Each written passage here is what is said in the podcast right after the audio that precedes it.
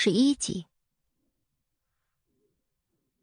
齐军忙完上一季度公司的事情以后，便有一段时间没出现在大众的视野里了。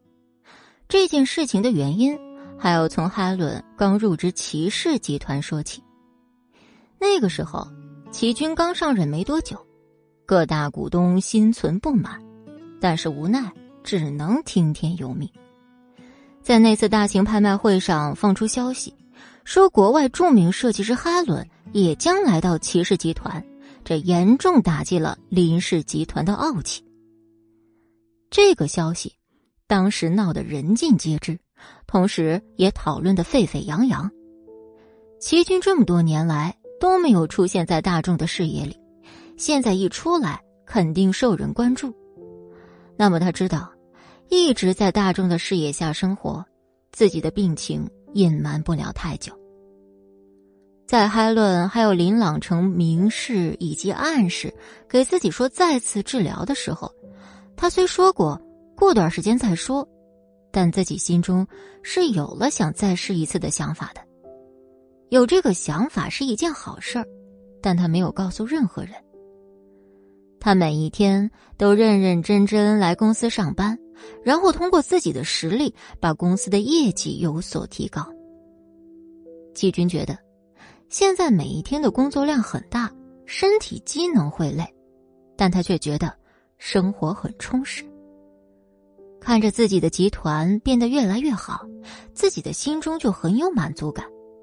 看着自己身边的亲人朋友，这种感情他缺失了很多年。现在唯一不足的。便是自己的身体，所以在跟海伦进行了交谈以后，他定下再次出国治疗的日子。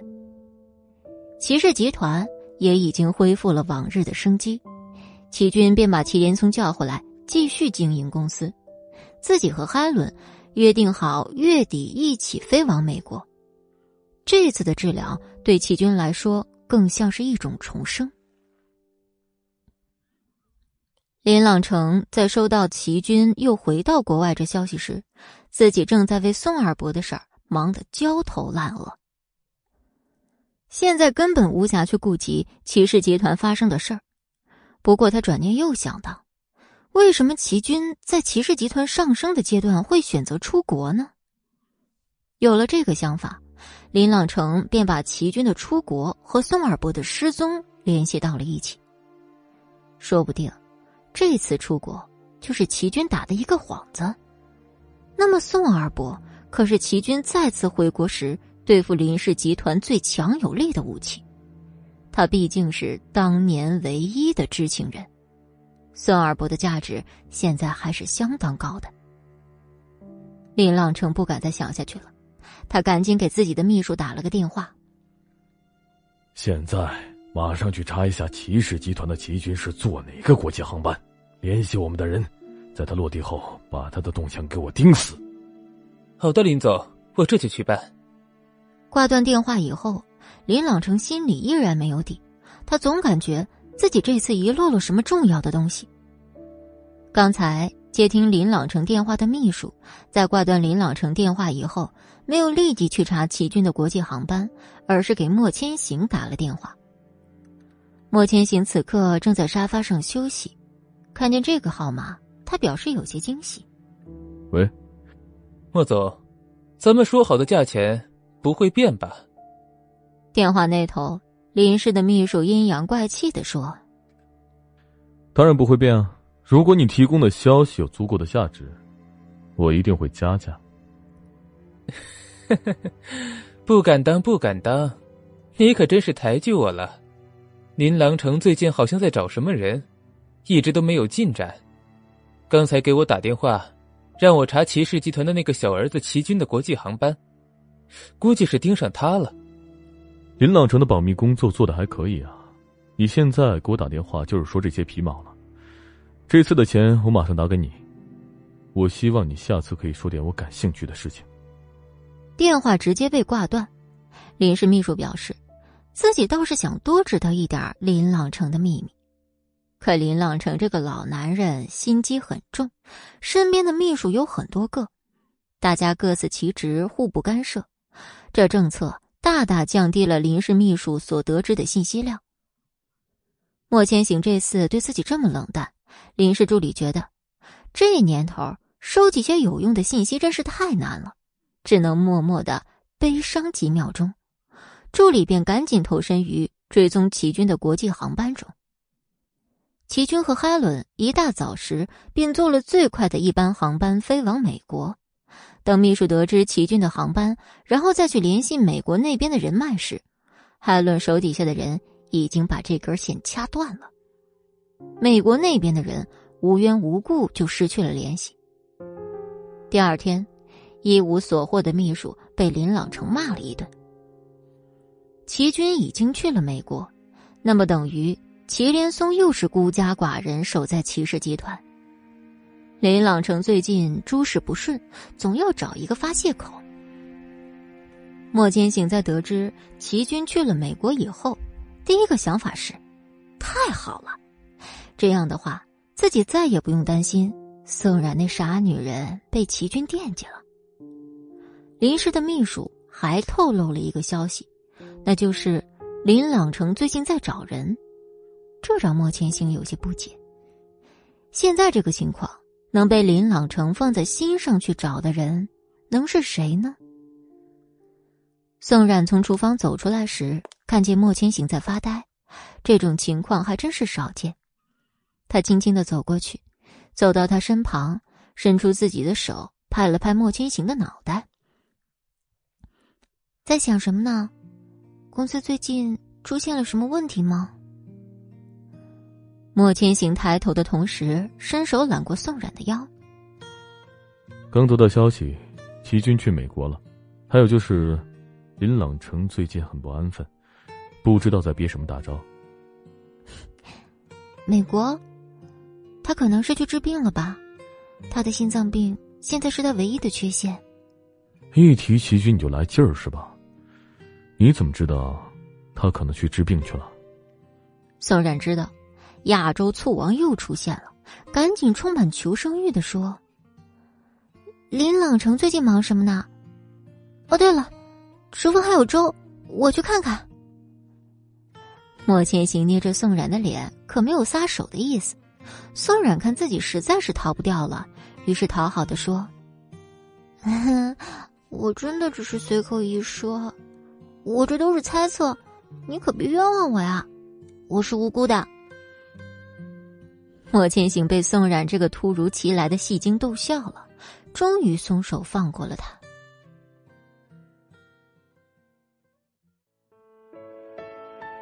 一百二十二集，林朗成最近快把整个 B 市翻个底朝天了，他还是没有找到宋二伯的人影。与此同时。林雨柔最近没人盯着自己，正好合他心意。公司里没什么事儿，所以他现在一闲便三天两头的往医院里跑看望明蕊。明蕊在医院里没怎么受过外人的眼光，但是来病房里给自己打点滴的小护士，明蕊是怎么都喜欢不起来。每一次到来打点滴的时候，小护士总是用奇怪的眼光看着自己，一次两次以后。明蕊直接把他当空气了。在医院里面养伤的这段日子，明蕊最喜欢的就是林雨柔来看望自己的时间了。这种被人惦记着、关心着的感觉，让明蕊感觉到自己现在之所以还活在这世界上，还是有一定理由的。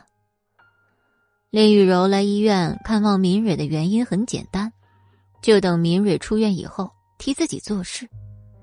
自己远远低估了莫千行看中宋冉的程度，还有，听林朗成说，齐军现在不在 B 市，那么这段时间就是对付宋冉最好的时间段。这一天，林雨柔在医院门口买了一束好看的玫瑰花，来到了明蕊的病房。现在的明蕊已经恢复的差不多了，身体各方面也都可以了。听见推门的时候，他下意识的转头往门口看，发现是林雨柔之后，明蕊笑盈盈的看着他说：“雨柔，你来了。”林雨柔点点头走过来，她一边把玫瑰花插在病床边的柜子上，一边问：“明蕊，今天感觉怎么样？上次我来的时候，医生说你身体恢复的很好，很快就可以出院了。”“嗯，我现在已经很好了。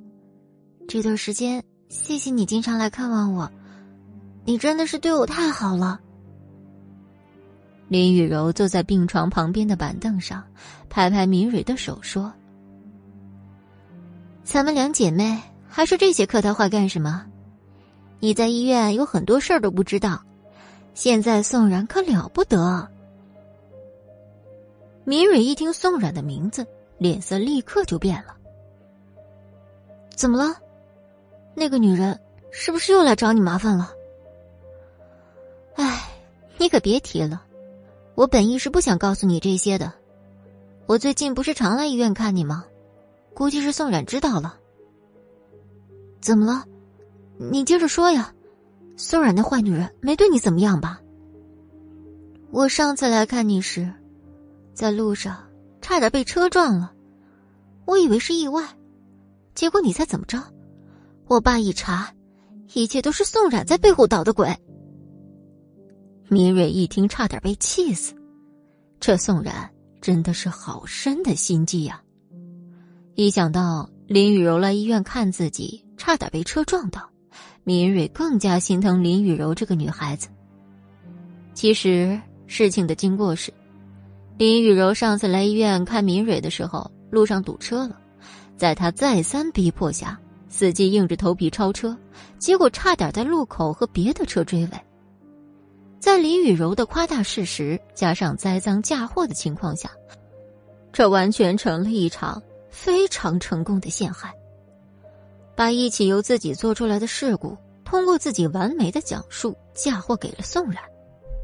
林雨柔在心里回想起的时候，觉得自己简直是太妙了。明蕊使劲拽了拽林雨柔的手，林雨柔这才从自己的回想中醒过来。她赶紧把目光对向明蕊，急切的问：“啊，明蕊，怎么了？你是不是哪儿不舒服呀？”“我没事儿，你放心好了。倒是我刚才怎么叫你，你都不答应我，简直要吓死我了。”“啊，我呀，可能是最近工作有些累。莫千行现在好像跟骑士集团联手了一样。”咱们林氏集团的情况不容乐观啊！面对林雨柔说出的这些信息，明蕊的心里变得更加记恨莫千行，还有宋冉那个女人。林雨柔看着明蕊很明显的面部变化，赶紧打圆场：“不好意思啊，明蕊，我这人就是这样，有点事都写在脸上，跟你讲了这么多废话，都怪我。”最近生活真是太不顺心了。明蕊觉得，林雨柔到现在都想着自己，自己现在心里更加愧疚了。前段时间，网络上对于自己还有林雨柔大篇幅的报道，已经给林雨柔造成了很多的麻烦。明蕊暗自在心里想着，自己一定要好好恢复身体，这样才能早日出院，帮林雨柔做些事情。莫千行联系了思慕。让他找美国那边的人跟踪一下齐军的行程，可是连续两三天过去，完全没有任何的音讯。司慕硬着头皮来莫千行的办公室向他报道，让他意想不到的是，莫千行听见以后竟没发脾气，而是让司慕感到非常惊奇。有惊无险的从莫千行的办公室里出来，思慕觉得自己现在是越来越摸不清莫千行的性子了。独自一人在办公室里的莫千行，现在对海伦那个国外设计师有了很大的好奇心。司慕找去美国跟踪齐军的人，定然不是什么一般人，可竟然一点齐军的消息都没打听到。还有，林朗成派自己的助理找美国人跟踪，听说也是连齐军的影子都没追着，就被当地人秘密处理了。这样也好，对莫千行来说，没有消息。就是最大的消息，根本不用怀疑，齐军现在跟海伦一定在美国做着什么不想让人知道的事情，只是会做出什么事情要出国，而且不能被别人知道呢？莫千行觉得自己现在没有头绪，但自己不知道为什么突然想到宋冉说过的话：“齐军有可能是去美国治病的。”突然，莫千行的嘴角上扬了，这一笑，不知是在笑自己现在竟还有空去想宋冉，还是在笑宋冉的脑回路还有猜测。果然，别人的想法都是不一样的。宋冉虽不是一个靠谱的人，但也许这一次他还真蒙对了。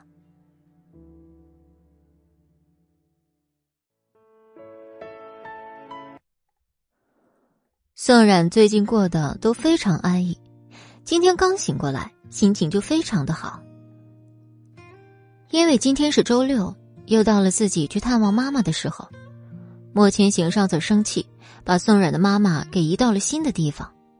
其实这新地方的环境更适合宋冉妈妈病的疗养。宋冉知道，莫千行这个人就是典型的面热心冷，看破不说破，这也是宋冉和莫千行之间形成的一种无言默契。吃过早饭以后，宋冉就和王妈一起前往菜市场，在路上的时候。王妈看见宋冉今天的气色非常好，于是就闲聊：“冉冉小姐啊，你最近脸色好很多呢。”“啊，是吗？”王妈，你该不会是在哄我开心吧？我怎么会骗你个小丫头啊？宋冉听完之后，开心的哼起了小曲儿。王妈看宋冉的背影。真的觉得莫千行捡了个大宝贝。宋冉回身朝王妈招招手：“快点走啊，王妈，冲冲冲！我们一会儿去晚了，可就没有好的菜可以买了。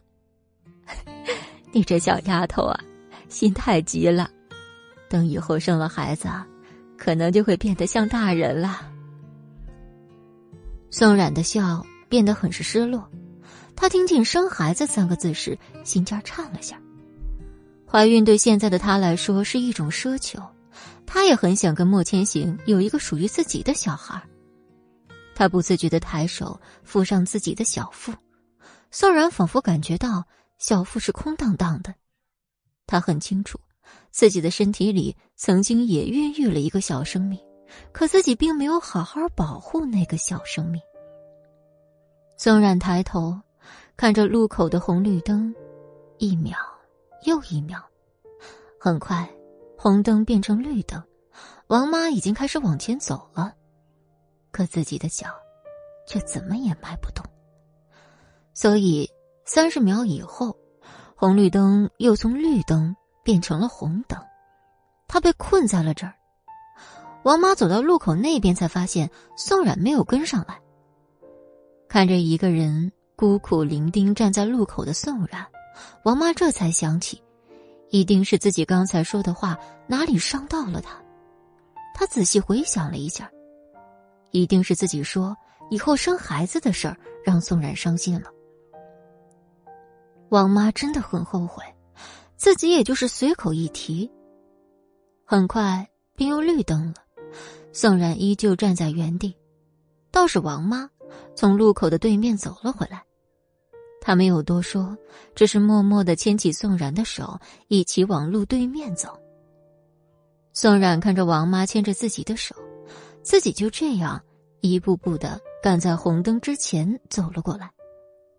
手掌心里清楚传过来的温度，让宋冉想起，他的妈妈以前也会这样牵着自己过马路。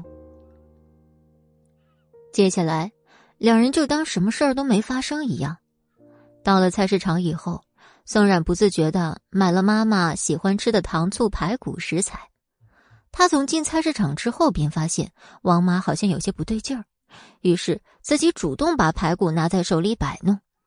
但王妈的视线盯上来后，宋冉便笑笑说：“我想吃糖醋排骨，等我今天下午回来，王妈做给我好不好？”“哎，好，我下午就做给你吃。”王妈虽然知道宋冉现在心情变好了，但宋冉自己的心情有没有变好，只有宋冉才知道。他只是不想让王妈看出他不开心。他现在能明显的感觉到，自己的心出现了裂痕。宋然想到自己的声誉有问题，那么便说明自己不能给墨家传宗接代。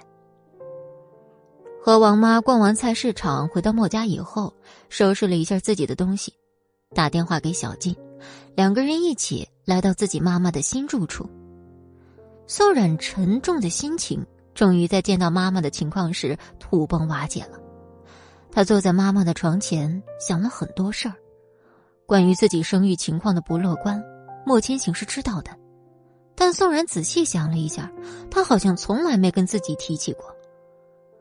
在一起的这几年，宋然有很多次看到莫千行的眼睛，自己就会不自觉的陷进去。那个时候，他就萌生了一种想给莫千行生个孩子的想法，但是现在，恐怕是不能实现了。想到这儿，宋然想着，也许莫千行也是知道自己不能生，所以干脆没有抱任何希望吧。小静一路上就觉得。宋冉今天有些安静的过分，果不其然，到了住宅这儿，他只是静静的窝在病床的旁边。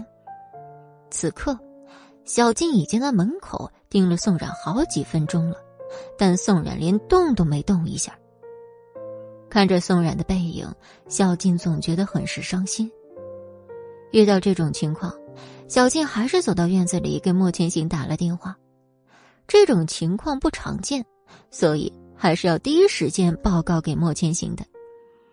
此刻的莫千行正好闲着，看见小静打来的电话，正好自己也有事情要跟他说。喂，小静，你现在在哪里？抽空来趟公司吧。莫千行的语气还有说的话，都像极了上学时期的班主任。小静听完以后，不知道为什么，总有一种不好的预感。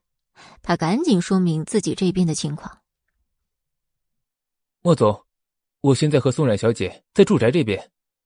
宋冉小姐今天好像心情很不对劲，来到住宅以后，自己一直待在床边发呆呢。莫千行皱了皱眉头，宋冉最近没和自己吵架呀，明明自己今天早上走时还好好的。想到这儿，莫千行不禁有些担心宋冉。好。那麻烦你多留意一下宋冉的动向，还有，你下午帮我查一下宋二伯最近在干什么。我今天会早点下班回家的。小静就知道，莫千行这次说要找自己，一定是有任务给自己，又是跟宋二伯有关的事儿。小静觉得自己现在不会快乐了，可还是得赶紧答应下来。莫千行挂断电话以后，全身心的投入到工作里。小静也在客厅里把自己的电脑拿了出来。半个小时以后，小静表示非常的疑惑：孙二伯的定位显示他现在在美国。小静还以为自己搞错了，于是打算再三确认。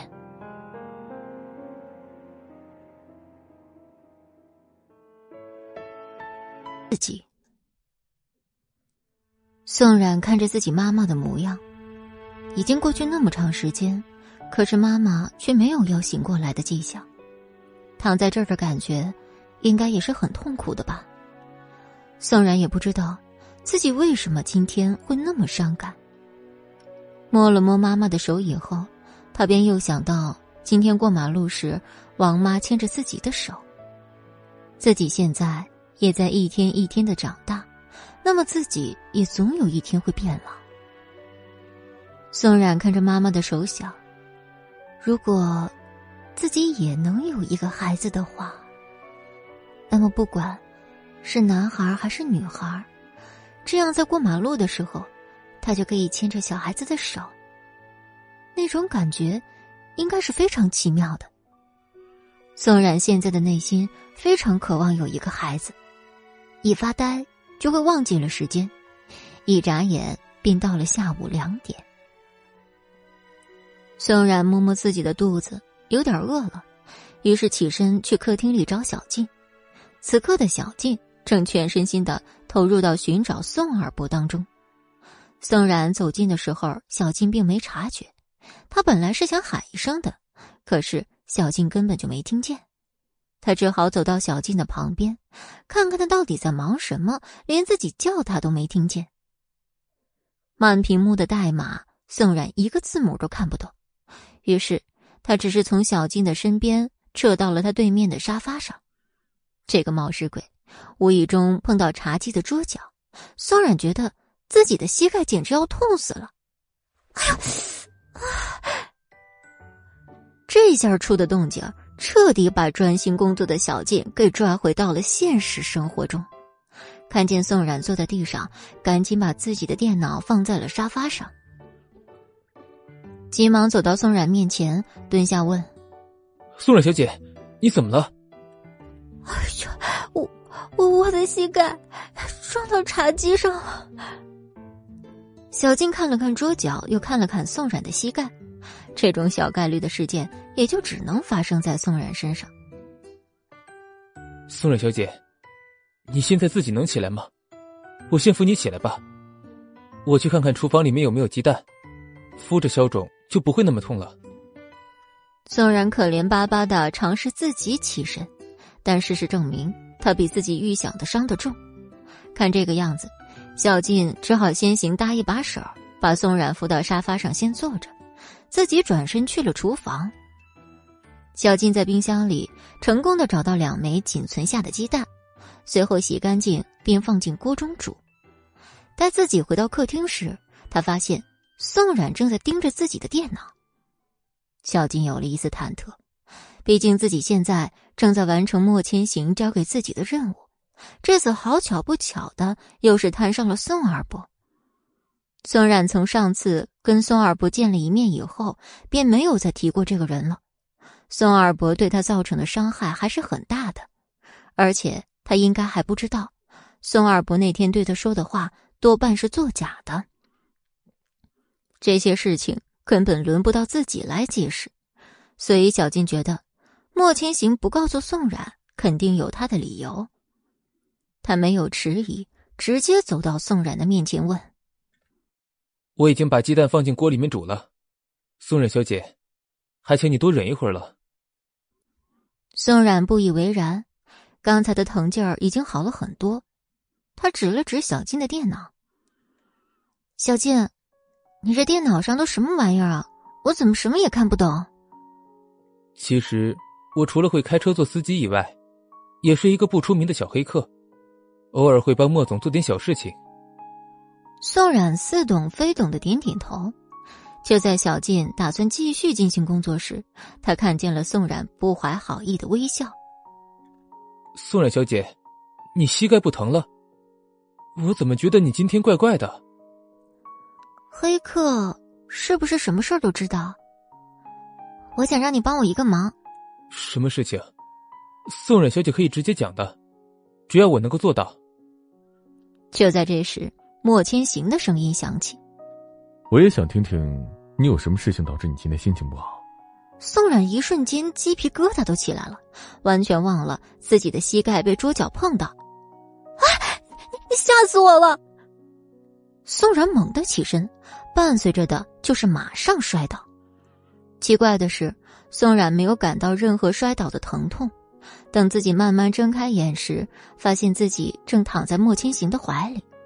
被宋冉压着的莫千行这时又开口说话了：“是我吓死你，还是你吓死我？怎么站都站不稳啊？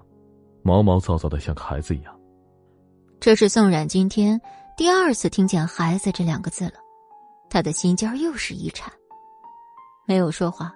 宋冉强忍着自己膝盖的疼痛，看着宋冉自己固执的从身上挪到了沙发上，莫千行的心里有一丝不解。看样子，小静说的没错，宋冉今天确实有问题。这个时候，不知什么时候消失在客厅的小静又出现了。她端着厨房里的碗走到沙发这儿。莫总，这是煮的鸡蛋。宋冉小姐的膝盖肿了起来，敷一下会好些。莫千行刚进来，并不知道宋冉的腿被桌角撞到，经过小静一说，他才刚看见。宋冉有了一丝害怕，但是跟自己预想的不一样。莫千行没批评自己不小心，而是拿起碗里的鸡蛋，接着就开始在手里进行非常认真的剥壳活动。对于莫千行的这个操作，宋冉是完全没有想到的。小静再一次默默的闪到了一边，宋冉就这样坐在沙发上，也不说话，只是默默的看着莫千行认真做事情的侧脸发呆。莫千行把鸡蛋剥好以后，本来是想开口让宋冉过来的，但是想到宋冉伤的是膝盖，不能乱动，于是自己拿着鸡蛋走到宋冉的旁边坐下，轻轻的把宋冉的脚抬到自己的腿上。宋冉下意识想把腿缩回来，但身体一动，膝盖就更疼了。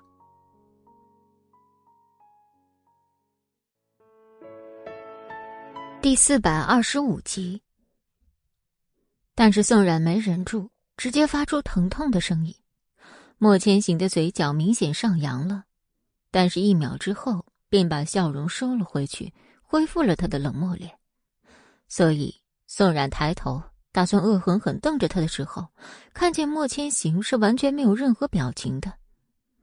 宋冉不敢发小脾气，自己只好又把小脑袋低了下去。乖一点，别乱动。今天你心情怎么那么低落？跟我说说好不好？我也不会吃了你的。莫千行好像很久没有这种哄小孩子的声音和自己说过话了，于是宋然有一点心动。他缓缓的抬起头，看着莫千行的眼睛，一字一句的说道：“莫千行，我想给你生个孩子。”这句话说起来用不了几秒，可接下来的时间就像静止了一样，两个人好像都听见自己还有对方的心跳声。莫千行的眼睛里倒映着宋冉的模样，自己面前的这个女人竟然说想要给自己生一个孩子。想到这儿，莫千行觉得自己已经很久没有像现在这么激动了。宋冉看着莫千行的眼睛，好像也能感觉到莫千行心中的波涛汹涌。莫千行什么都没说，直接把宋冉揽到自己怀里。这时本应是非常感动的画面，可他直接发出杀猪般的嚎叫。莫千行赶紧放开宋冉，还以为是宋冉太激动，结果就看见宋冉的眼里盛满了眼泪。莫千行。我的膝盖是彻底废了，疼死我了！莫千行实在是太激动了，已经完全忘记自己正在给宋冉的膝盖敷鸡蛋的事儿。像今天这种能让莫千行尴尬的情况，在宋冉的有生之年里可没有见过几次。事情发展到最后，便是莫千行老老实实的给宋冉的膝盖上敷了一个鸡蛋收尾。虽然膝盖骨还很疼，但是当宋冉看见莫千行那微红的耳朵根后，自己心情大好。快到晚上的时候，宋冉和莫千行一起被小静送回了家。刚到客厅，宋冉就闻到了糖醋排骨的味道。他知道这是王妈今天在菜市场答应自己做的菜。莫千行是一个不爱吃甜食的人，对这种糖醋的东西并不感冒，很是无感。小静可是一个隐藏的甜食爱好者，但是没有等饭菜上桌，却被莫千行给叫上了书房。两人就这样前后脚的上了楼。小静整理好自己痛失糖醋排骨的心情，进入到工作的状态。书房门这次被小静给安全的反锁上，走到了莫千行的对面。莫千行在住宅里帮宋冉敷完膝盖上的伤后，心情变得超级好。但是现在也恢复到了工作状态，他习惯性的用手指敲自己的腿，抬头看了一眼小静，小静点了一下头，开始汇报自己今天查到的信息。莫总，宋二伯现在人在美国，我专门去查过了，和骑士集团的齐军同一次国际航班，他的身份信息全部被加密过。这件事情的真实性，今天下午我已经再三确认过了。莫千行没有想到，宋二伯这个人不但和林氏集团有关系，在这种时候竟又跟骑士集团也有了关系。现在这局面变得越来越有意思了。莫千行一边有节奏的敲着腿，一边大脑开始飞速运转。那么，按照小静说的话来推断，林朗成前段时间在找的人一定就是宋二伯。这样的话，这个宋二伯现在应该是在林朗成不知情的情况下和齐军一起出了国。莫千行觉得自己现在得到的信息量有些大，于是停止了自己手指的敲动。齐军在美国的行踪，我今天下午查了一下，跟踪不到。所以，宋二伯最近的动向，我也不是很清楚。我知道了，你先出去吧。就这样，小静便从书房里出来。从楼上可以看见，楼下的餐厅才刚刚开始盛米饭。于是，小金瞬间满血复活，充满开心的一路飞奔到楼下吃饭。看见小金下来，于是宋冉问：“莫千行呢？他还在忙吗？”“哦，莫总让我出来，我就出来了。这个时候他应该在忙吧？要不然我上去叫他。”“啊，不用了，你先吃饭。”我上去找他，正好锻炼一下我的膝盖。小静只好乖乖的看着宋冉一步一步的踏上了楼梯。莫千行在书房里也不知待了多久，一直到缓缓上楼的宋冉来敲门，他才舒缓了一下自己久坐的肩膀还有脖子。我进来了，你在忙吗？怎么不下去吃饭啊？宋冉推开门。往书房小步走去，莫千行的目光从宋冉推门开始就没离开过宋冉的身上，直到宋冉来到自己身边，莫千行先是低下自己的头问：“你怎么上来的？现在感觉这个膝盖怎么样？”宋冉嘟着自己的小嘴儿，故意往莫千行的怀里拱，撒娇似的说：“哎呀，我要站不住了，你快扶着我，我膝盖太疼了。”莫千行已经看清宋冉戏精的表演，但还是积极的配合着，把宋冉轻轻揽到自己怀里，说：“宋冉，谢谢你。”宋冉被突如其来的一句“谢谢”弄昏了头脑。两个人在书房里温存了一会儿后，就在宋冉想要自己先行下楼时，直接被莫千行公主抱了起来。宋冉觉得，这样被王妈还有小静看见不好。但是莫千行他有充足的理由，理由很简单，宋冉现在的膝盖不适合进行太多的运动，所以抱着下楼梯是最好的办法。宋冉心想，可是自己上来的时候明明跟小静说自己要多多锻炼自己的膝盖，这下是打脸了。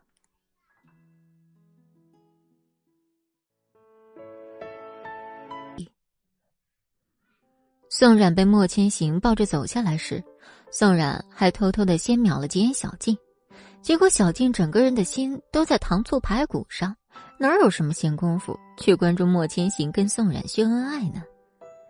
宋冉暗自松了一口气，毕竟莫千行这样抱着自己下楼吃饭还算是第一次。想了一下，宋冉觉得自己膝盖受伤也挺好。刚才在书房温存时。莫千行还真是温柔，宋冉觉得这膝盖的伤也太促进感情了。这样想着，宋冉就在莫千行的怀里笑出了声。莫千行低头望着在自己怀里傻笑的宋冉，带着调笑的意味说：“还不下来吗？难道你要我就保持这个抱着你的姿势吃饭吗？”宋冉抬头对莫千行的黑眸表示疑问：“我已经在这里抱着你站了好几分钟了。”你不打算坐下来吃饭吗？脑子里面都在想什么乱七八糟的东西啊！竟然还笑出了声音。王妈这时端着汤走出来，估计是在想什么好事吧。冉冉小姐啊，就是个小孩子，赶紧坐下来吃饭吧。宋冉连着被两个人取笑，感觉自己的脸蛋现在比红苹果还要红了。看了看就在自己边上的椅子。碰巧又无意中看见小静刚要夺神的眼神，空气中一丝尴尬飘过。宋冉赶紧挣脱莫千行的怀抱，自己下来坐好。其实大家觉得这样的宋冉挺可爱的，只不过宋冉觉得自己现在抬不起头。莫千行发现宋冉的异常，思考了一下，然后说：“宋冉，明天我带你出去走走吧。这话不像是请求的疑问句儿，而是一个毫无疑问的肯定句。不过，这在宋冉眼里便是一个吸引人的话题，于是他来了精神，特别狗腿的给莫千行夹了一块排骨。明天你不用上班吗？咱们去哪儿玩啊？是郊游那种吗？什么时候出发啊？莫千行看着宋冉期待的小模样，真是哭笑不得。他总感觉。宋冉这傻白甜，一句话别人就能把他骗走，那自己可真是要气死了。莫千行只是盯着宋冉，但没有说任何话。宋冉只好强忍住自己的好奇心，没有再问下去。吃完饭以后，莫千行去了书房里忙工作上的事儿，宋冉也不好意思去打扰他，一个人来了钢琴室。今天发生了很多自己前段时间想都不敢想的事儿。关于自己能不能再怀上一个孩子，都是一个问题。可是莫千行的样子明显也是期待的。宋冉现在又有些后悔自己把这想法给说了出来。本来两个人在那件事儿上是完全不采取安全措施的，其实自然怀孕是很有可能的。但是现在说出来以后，宋冉觉得自己有种把这件事儿当做任务看待的意思。想到这儿。宋冉觉得自己不光膝盖疼，现在脑袋也有点疼了。明蕊最近的心情一直都挺好，身体各方面也恢复的非常快，只不过最近林雨柔看自己的次数越来越少了。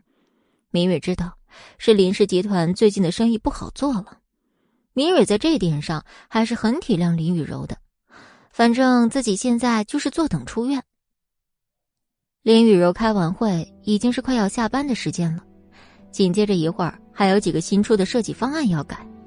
看了看时间，林雨柔算了一下，今天本来要去看明蕊的计划，算是又泡汤了。趁着吃下午饭的时间，林雨柔给明蕊打了一个视频电话。明蕊在医院里又没什么事可做，于是马上接起。林雨柔看明蕊今天的脸色很好，于是满意的说。不好意思啊，我等下吃完饭还要加班，今天不能去医院看你了。你下午记得要吃饭。雨柔，你忙你的好了，你也看见了，我现在已经完全是个活蹦乱跳的人了。明天我出完院以后，我就可以直接去公司帮你分担点工作。你呀，还是给我老老实实的待着养一段时间吧。虽然今天不能去看你，但明天一定可以接你出院。米蕊虽然嘴上说着不用麻烦，但心里还是非常开心的。林雨柔给他拍了拍自己正在吃的饭，正是没有任何食欲的大众盒饭。看到这儿，明蕊拍着胸脯说：“等我在家疗养的这段时间，我每天给你做爱心餐送到公司里吃。最近真是要忙死了，原来咱们公司的 Helen 你知道吧？给我留了一堆的烂摊子，现在我是连饭都没得挑。”真是可怜，我爸最近也不知道哪根筋不对，整天摆着个臭脸，全公司上上下下的人都死气沉沉的，烦死我了。他平时吃饭可是个很挑的人，但是最近公司发生了特别多的事儿，林雨柔怎么说也是林氏集团的首席设计师，于是自己只能硬着头皮上阵干了。一忙起来，哪儿还顾得上那么多呀？不加班就谢天谢地了。明蕊看着林雨柔皱着的眉头吐槽别人的样子，他不会觉得反感林雨柔说的话，他还一脸宠溺。好了好了，难吃也要多吃点儿，等下还要忙工作呢，我的宝贝儿。林雨柔认真的点点头，没再聊几句就挂断了电话。明蕊看着自己手机上和林雨柔的聊天记录，现在的心里已经开始期待明天自己出院。林雨柔吃完饭后也没闲着，她冷眼看着手机上明蕊的头像。哼，费心费力照顾你这女人这么久，总得给我点回报吧。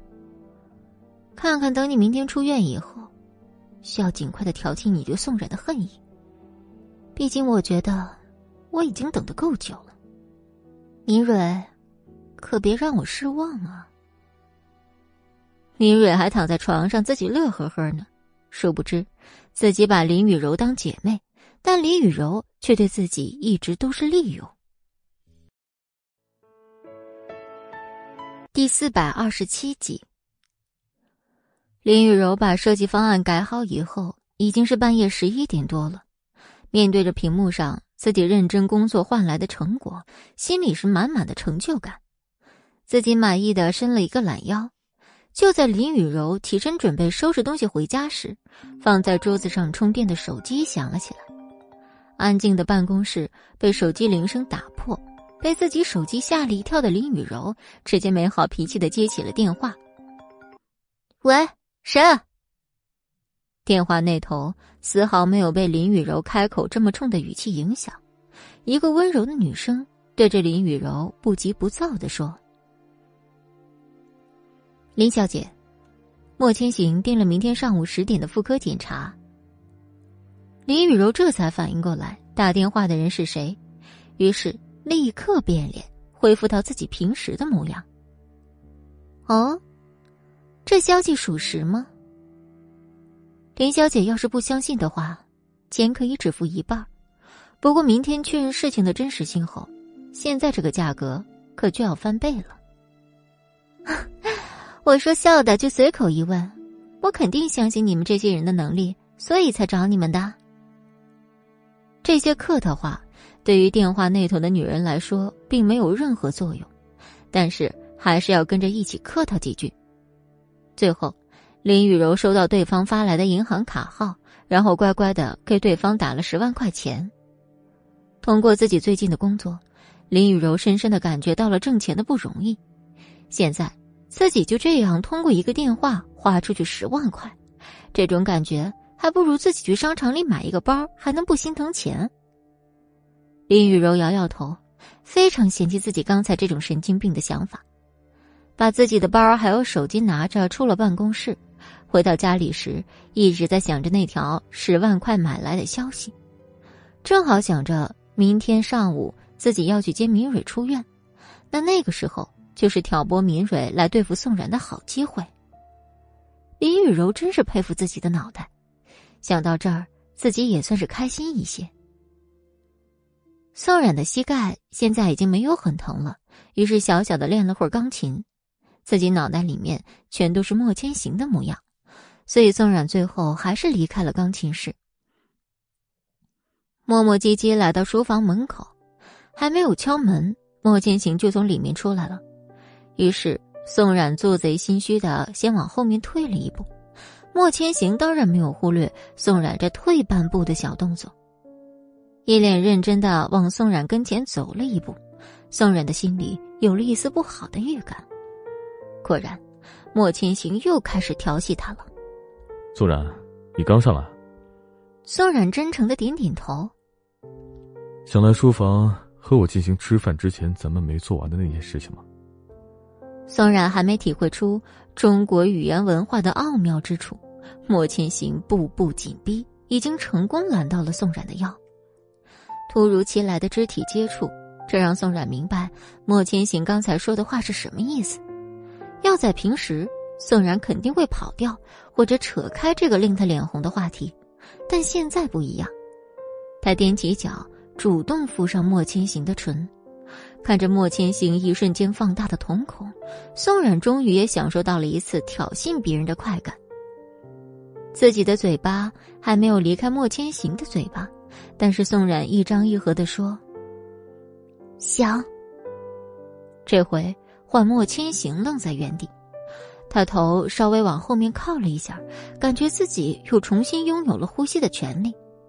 宋然感觉到莫千行的小动作后，直接露出得意的笑容。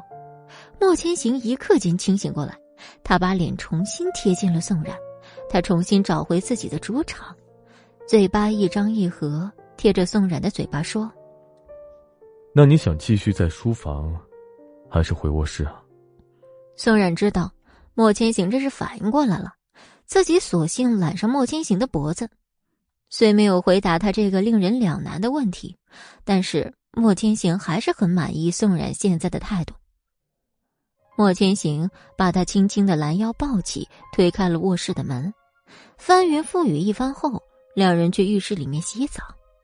莫千行亲吻着宋冉的后背说：“我预约了明天上午附属医院的门诊。”宋冉愣了下，心里的第一个想法就是，自己的身子因为上次的流产，医生可说再次怀孕很难。那么莫千行说带自己去医院，肯定是妇科。可万一医生还是说不好怀孕怎么办？你别想太多了，是我们两个人的常规身体检查。咱们现在打算要孩子了，肯定是要全身进行一次大检查的呀。宋冉细腻的心思得到了一丝缓解。既然莫千行都说两人都做检查，那么自己也需要勇敢的迈出第一步才对。宋然把身子转过来，对莫千行不自信的问。莫千行，你相信我吗？我是真的想给你生个孩子，可是我不知道我现在身体状况如何。我怕，万一医生还是说我身体很难怀上孩子，怎么办？还没说出来，莫千行用手敲了宋冉的小脑袋，力气不算小，宋冉疼得呲牙咧嘴。我不理你了。我现在很担心自己的身体，你打我是什么意思啊？宋冉说完话，直接披着浴巾出去。女孩子就是这样，很有可能因为敏感的一个动作，一句没有感情的话便生气了。莫千行只是不想让宋冉想太多，随手敲了一下，可能是没有注意下手的力度吧。想到这儿。莫千行赶紧把自己身上的泡沫冲洗干净，穿好衣服出去找宋冉。莫千行看了看四周，并没有发现宋冉的影子。这下莫千行算是知道，自己这次真的惹祸了。但宋冉去了哪儿呢？就在莫千行推门准备下楼找宋冉时，他听到了很小声的哭泣声，声音是从衣帽间里出来的。莫千行放轻了自己的脚步，慢慢走进去。宋冉正坐在柜子里，听到声音以后抬头，看见莫千行的一瞬间就放声大哭起来。莫千行赶紧跑过来，宋冉哭得更厉害了。宋冉这样的大哭，莫千行已经很久没有见过，真的不知该怎么办才好。他只是静静的抱着宋冉，没有说话。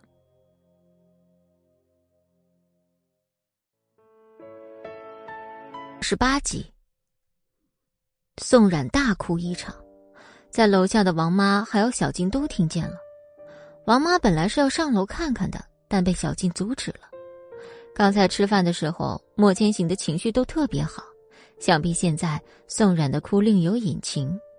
给楼上的两个人留一个属于他们二人的空间，这是小静目前的想法。果然，正如小静所料，过了几分钟后。宋冉大哭的声音便逐渐响了下来，宋冉哭的嗓子都疼了，实在是哭不动了。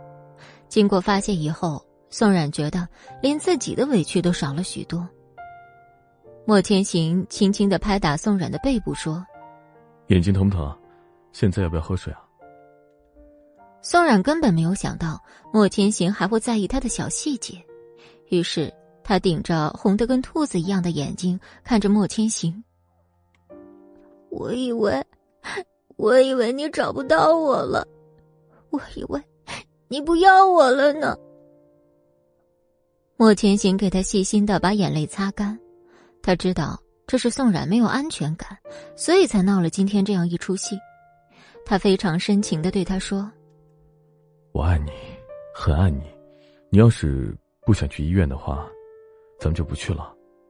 孩子一定会有的，哪怕体检的情况不好。”但是不证明咱们不可以啊！我也爱你，我们一定会有孩子的，对吗？莫千行的眼眶也有些湿润，他郑重的点了点头，安抚好宋冉的情绪以后，莫千行没有再去明天医院的事儿，两人就这样坐在衣帽间里聊起了天儿。过了一会儿，莫千行连说了几句话，宋冉都没有回应，他低头看了看没说话的宋冉。果然，这小迷糊已经睡着了。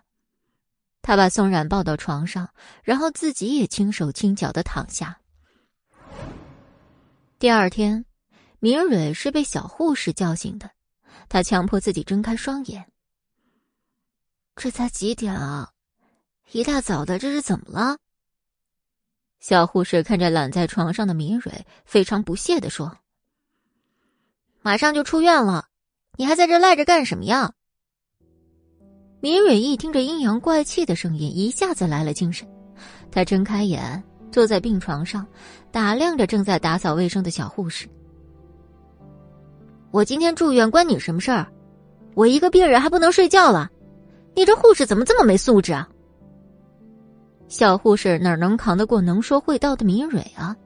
被明蕊怼了一通后，便生气的离开了病房。明蕊看见夹着尾巴走了的小护士，心情大好。自己刚住院时，这些小护士可没少对自己冷嘲热讽。现在自己翻身农奴把歌唱，今天中午一出院，他更是期待的一件事儿。林雨柔早上醒过来时，莫千行还在睡。这种情况是基本不会出现的。昨天晚上都没拉窗帘现在阳光洒在莫千行的身上，宋冉觉得这一刻真美好。岁月静好，大概就是这个样子吧。宋然早就把自己昨天的委屈抛到了脑后，醒过来第一件事儿就是想去上厕所，所以宋然打算轻手轻脚的起床。结果自己刚一翻身，就被莫千行给拽了回去。别走，大哥，这时间我可不需要任何煽情，人有三急啊，还请你高抬贵手放过我。大清早就听见宋冉说这样的话，莫千行知道宋冉这是正常了，于是他笑了笑，松开拽着宋冉的手，宋冉如愿以偿的赶紧起床奔向厕所。几分钟以后，他出来，发现莫千行竟还在床上躺着。你可算出来了，帮我把手机拿过来。宋冉看了看床边充电的手机，觉得莫千行简直在耍自己。拿什么手机啊？这都几点了，你还不起床？我每天都是按时间起床的，好吧？也就今天不用上班，所以能好好赖个床。宋冉坐在床边。觉得莫千行说的话很有道理，于是他刚想主动给莫千行拿手机，便想起今天的行程。喂，你预约了几点的医院？现在都快八点了，莫千行，你赶紧给我起床。十点啊，你要去吗？废话，我可不管你啊，赶紧起床，我先去收拾我自己了。好，不急，你慢慢来。莫千行也跟着宋冉笑了笑。明蕊正是起床的时间，快九点半了，于是他给林雨柔打了电话：“明蕊啊，我已经在路上了，你要是收拾完了，可以去一趟妇科。我最近都忙糊涂了，我记得去看你时还在那儿体检了，报告单我都不知拿没拿。哎呀，多简单的事儿啊，我等会儿就给你问问。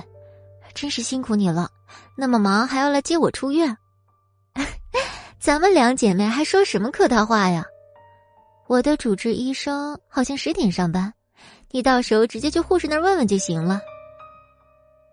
明蕊挂断电话以后，便开始收拾自己的东西，等快十点的时候开始办出院手续。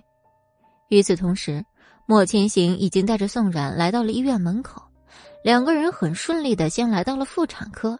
在护士站那儿登记完后，便去了医生那儿。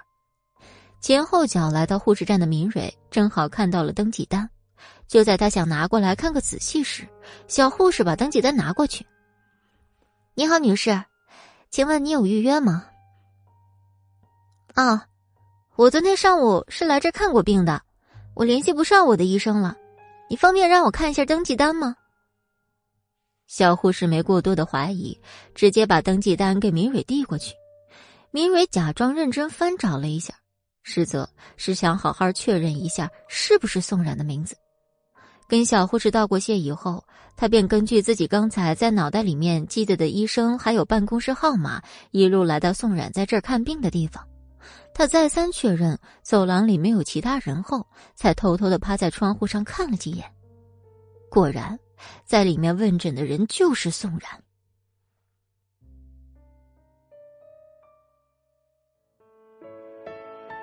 十九集，明蕊抬头看了看这房子的牌子，默默的记在心里。透过玻璃，明蕊在屋子里并没有见到莫千行的踪迹。明蕊不禁猜想，宋冉是一个人来的，那么肯定有什么不为人知的秘密。此刻正在里面坐着的宋冉心里很是忐忑，自己已经很久没有来过医院了。刚才莫千行陪着自己在护士站签完字以后，还陪着自己来到这门前，再三叮嘱自己放宽心后，才恋恋不舍的离开了。宋冉认为自己来都来了，已经没什么好顾忌的了。可是当推门坐下时，他还是紧张了。医生刚开始先跟宋冉客套几句，宋冉觉得自己一直绷着的神经也不能一直绷着。医生，像我这种情况，你看，怀孕的可能性大吗？米小姐。我觉得你现在的情况还不是很好，等一下你去做一个全身检查吧。我建议你跟你先生还是要做好心理准备的。宋冉听见医生亲口说出自己生育的可能性不大，哪怕自己早已知道这种答案，但心里还是很难过。好，医生，我知道了。宋冉的情绪明显变得低落了。但医生也见过很多病人，看宋冉这样，便开始安慰宋冉，想开一些。明蕊在门口偷听了半天，确定已经得到最重要的消息后，便大大方方的从门口走了过去。等自己走到电梯里，才想起自己这次来妇科的重要目的。但现在电梯在一层层下降，明蕊觉得自己恐怕是不能再回去了。要是遇见宋冉，那就不太好了。明蕊这样想着，所以最后只能对林雨柔表示抱歉。宋冉又跟医生聊了一会儿，便拿着单子去一项项的做检查。莫千行就常规的做了个身体检查后，就回到了妇科。宋冉才检查了两项，便接到了莫千行的电话。喂，宋冉，你现在怎么样？听到莫千行关心的声音后。宋冉都不知该怎么把医生和自己说的话复述给他听，他沉默了。莫千行也沉默了几秒。抬头向左转。宋冉才没有心情傻傻的跟着莫千行的指令，他直接把头歪向左边。本以为只是一个恶作剧，但是宋冉看见站在不远处的莫千行，他终于露出久违的笑容。没等宋冉站起来。莫千行把自己的手机挂断后，便向他走来。到了跟前，他学着宋冉蹲下来说：“你笑的样子可真丑啊！”我去厕所，你在这等我。莫千行点点头，拿着宋冉的东西坐下。宋冉再次出来已经是十分钟以后，尿劲真的很烦。不过，宋冉看莫千行坐在那儿时，这心里是暖暖的。林雨柔现在已经在医院的停车场里待了有一会儿，他看了看时间，觉得差不多了，这才给明蕊打电话。明蕊，我已经到停车场了，现在就上去找你，你等我哦。雨柔，我今天去妇产科，忘了给你问单子的事儿，不过我无意间知道了个惊天大秘密，我保证你不知道这件事儿。哦。是什么惊天大秘密啊？我在一楼大厅，你来找我吧。住院这段时间，多亏了你照顾。等下我请客，咱们边吃边说。那好吧，一会儿见。这边在妇产科的宋冉终于把各项检查都做完了，他觉得自己简直太难了，又是拍片又是抽血，不知道的一定觉得他得了重病，命不久矣。莫千行看着和刚来医院截然不同状态的宋冉，只好用美食来诱惑他。我知道一家刚开业没多久的日料店，咱们现在去吃吧。没胃口，咱们还是直接回家吧。莫千行万万没想到，美食竟有一天会对宋冉无效。他看宋冉闷闷不乐的样子，心里也不好受。最后，两人真的没有去日料店，直接开车回到了家里。一路上，宋冉把自己跟医生见面聊天的全过程说给莫千行听。莫千行一边开车，一边暗中观察宋冉现在的情绪状况，偶尔说上几句话。宋冉知道莫千行是在安慰他，不过莫千行有句话说的很对：医生从头到尾都没有否定过自己完全不能生孩子。那么这个信息已经是最好的消息了。自己现在过于悲观，反而是对自己身体的不负责任。放宽心情，也许很快便能怀上。想到这儿，宋冉莫名觉得心里舒坦很多。我想明白了，千行，谢谢你。莫千行被宋冉突如其来的动静吓了一跳。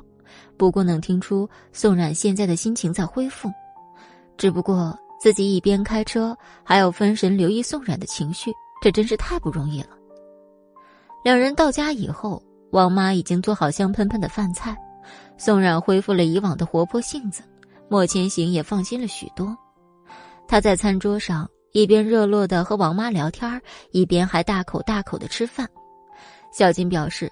自己昨天晚上听到宋冉大哭，仿佛是个幻觉。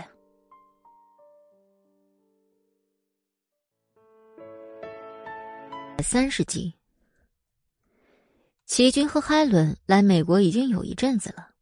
今天是个特殊的日子，因为关于今天上午这场手术是这次来美国的最后一场手术，也是一场只许成功不许失败的手术。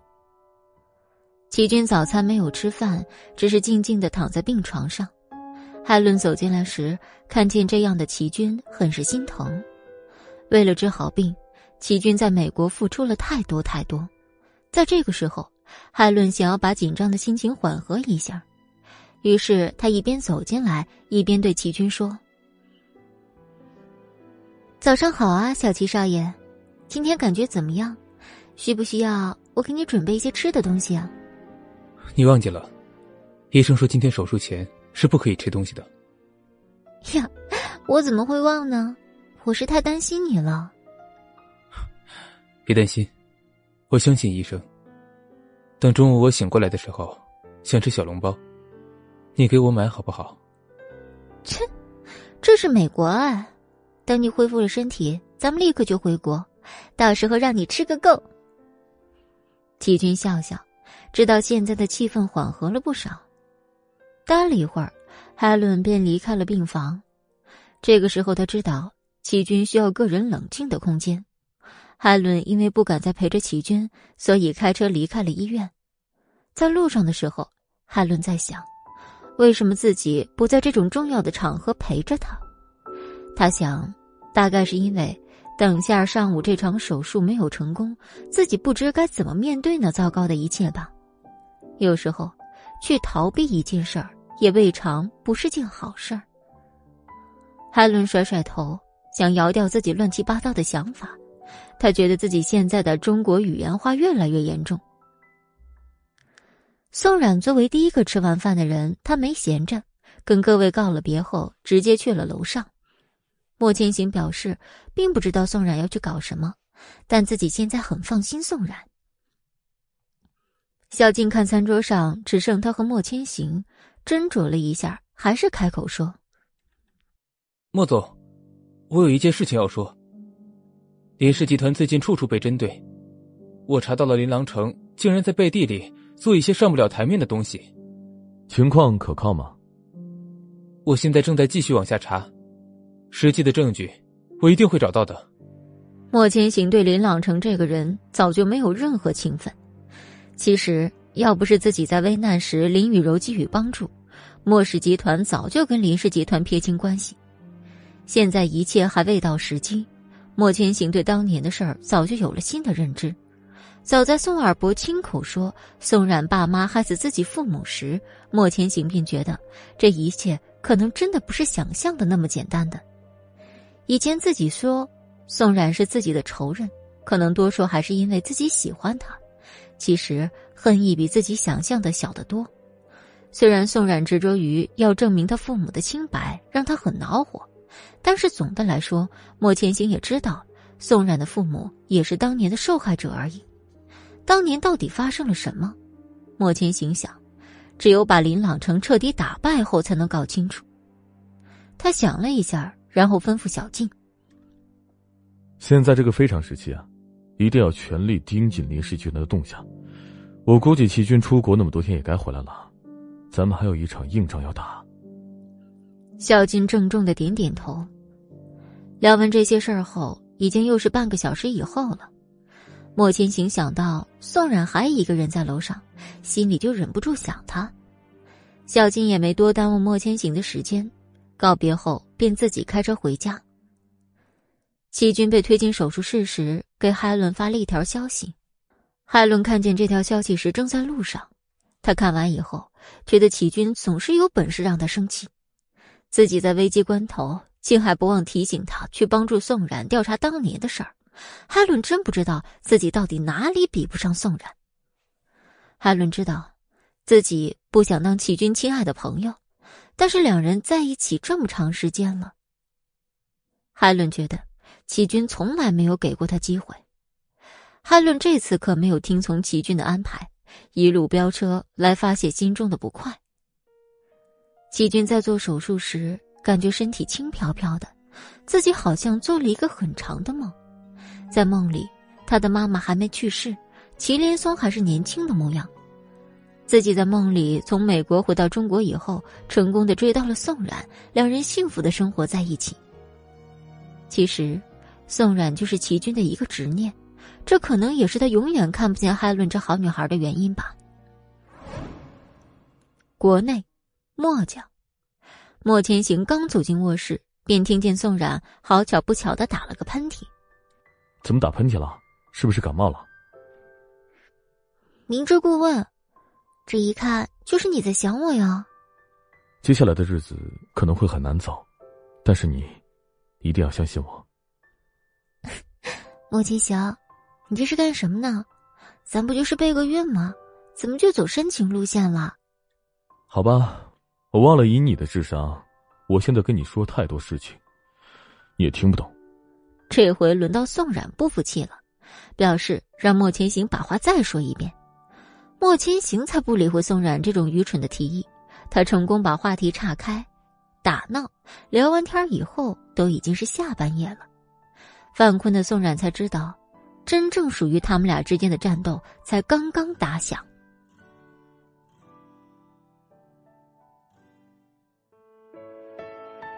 一级，齐军手术进行的很顺利，在被推出手术室时，本人还是昏迷的状态。汉伦手机响起时，他正好在回医院的路上，他还以为是医院打给自己的报喜电话，结果看到来电显示，汉伦先是明显的愣了一下，然后才把电话接通。小姐，老爷病危了，说想要见你一面。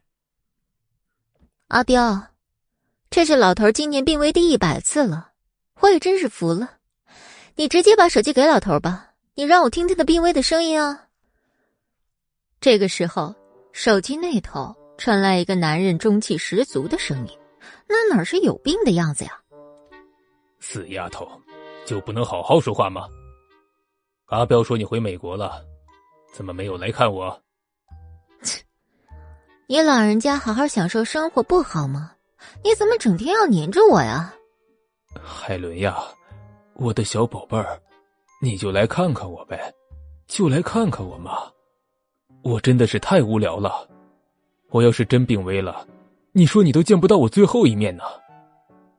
呸呸呸，别说这种不吉利话。我今天真有事儿，等有空了，我一定会去看你，好不好？好，那你可跟我说好了。我要是等不到你，就让阿彪把你给抓回来哟。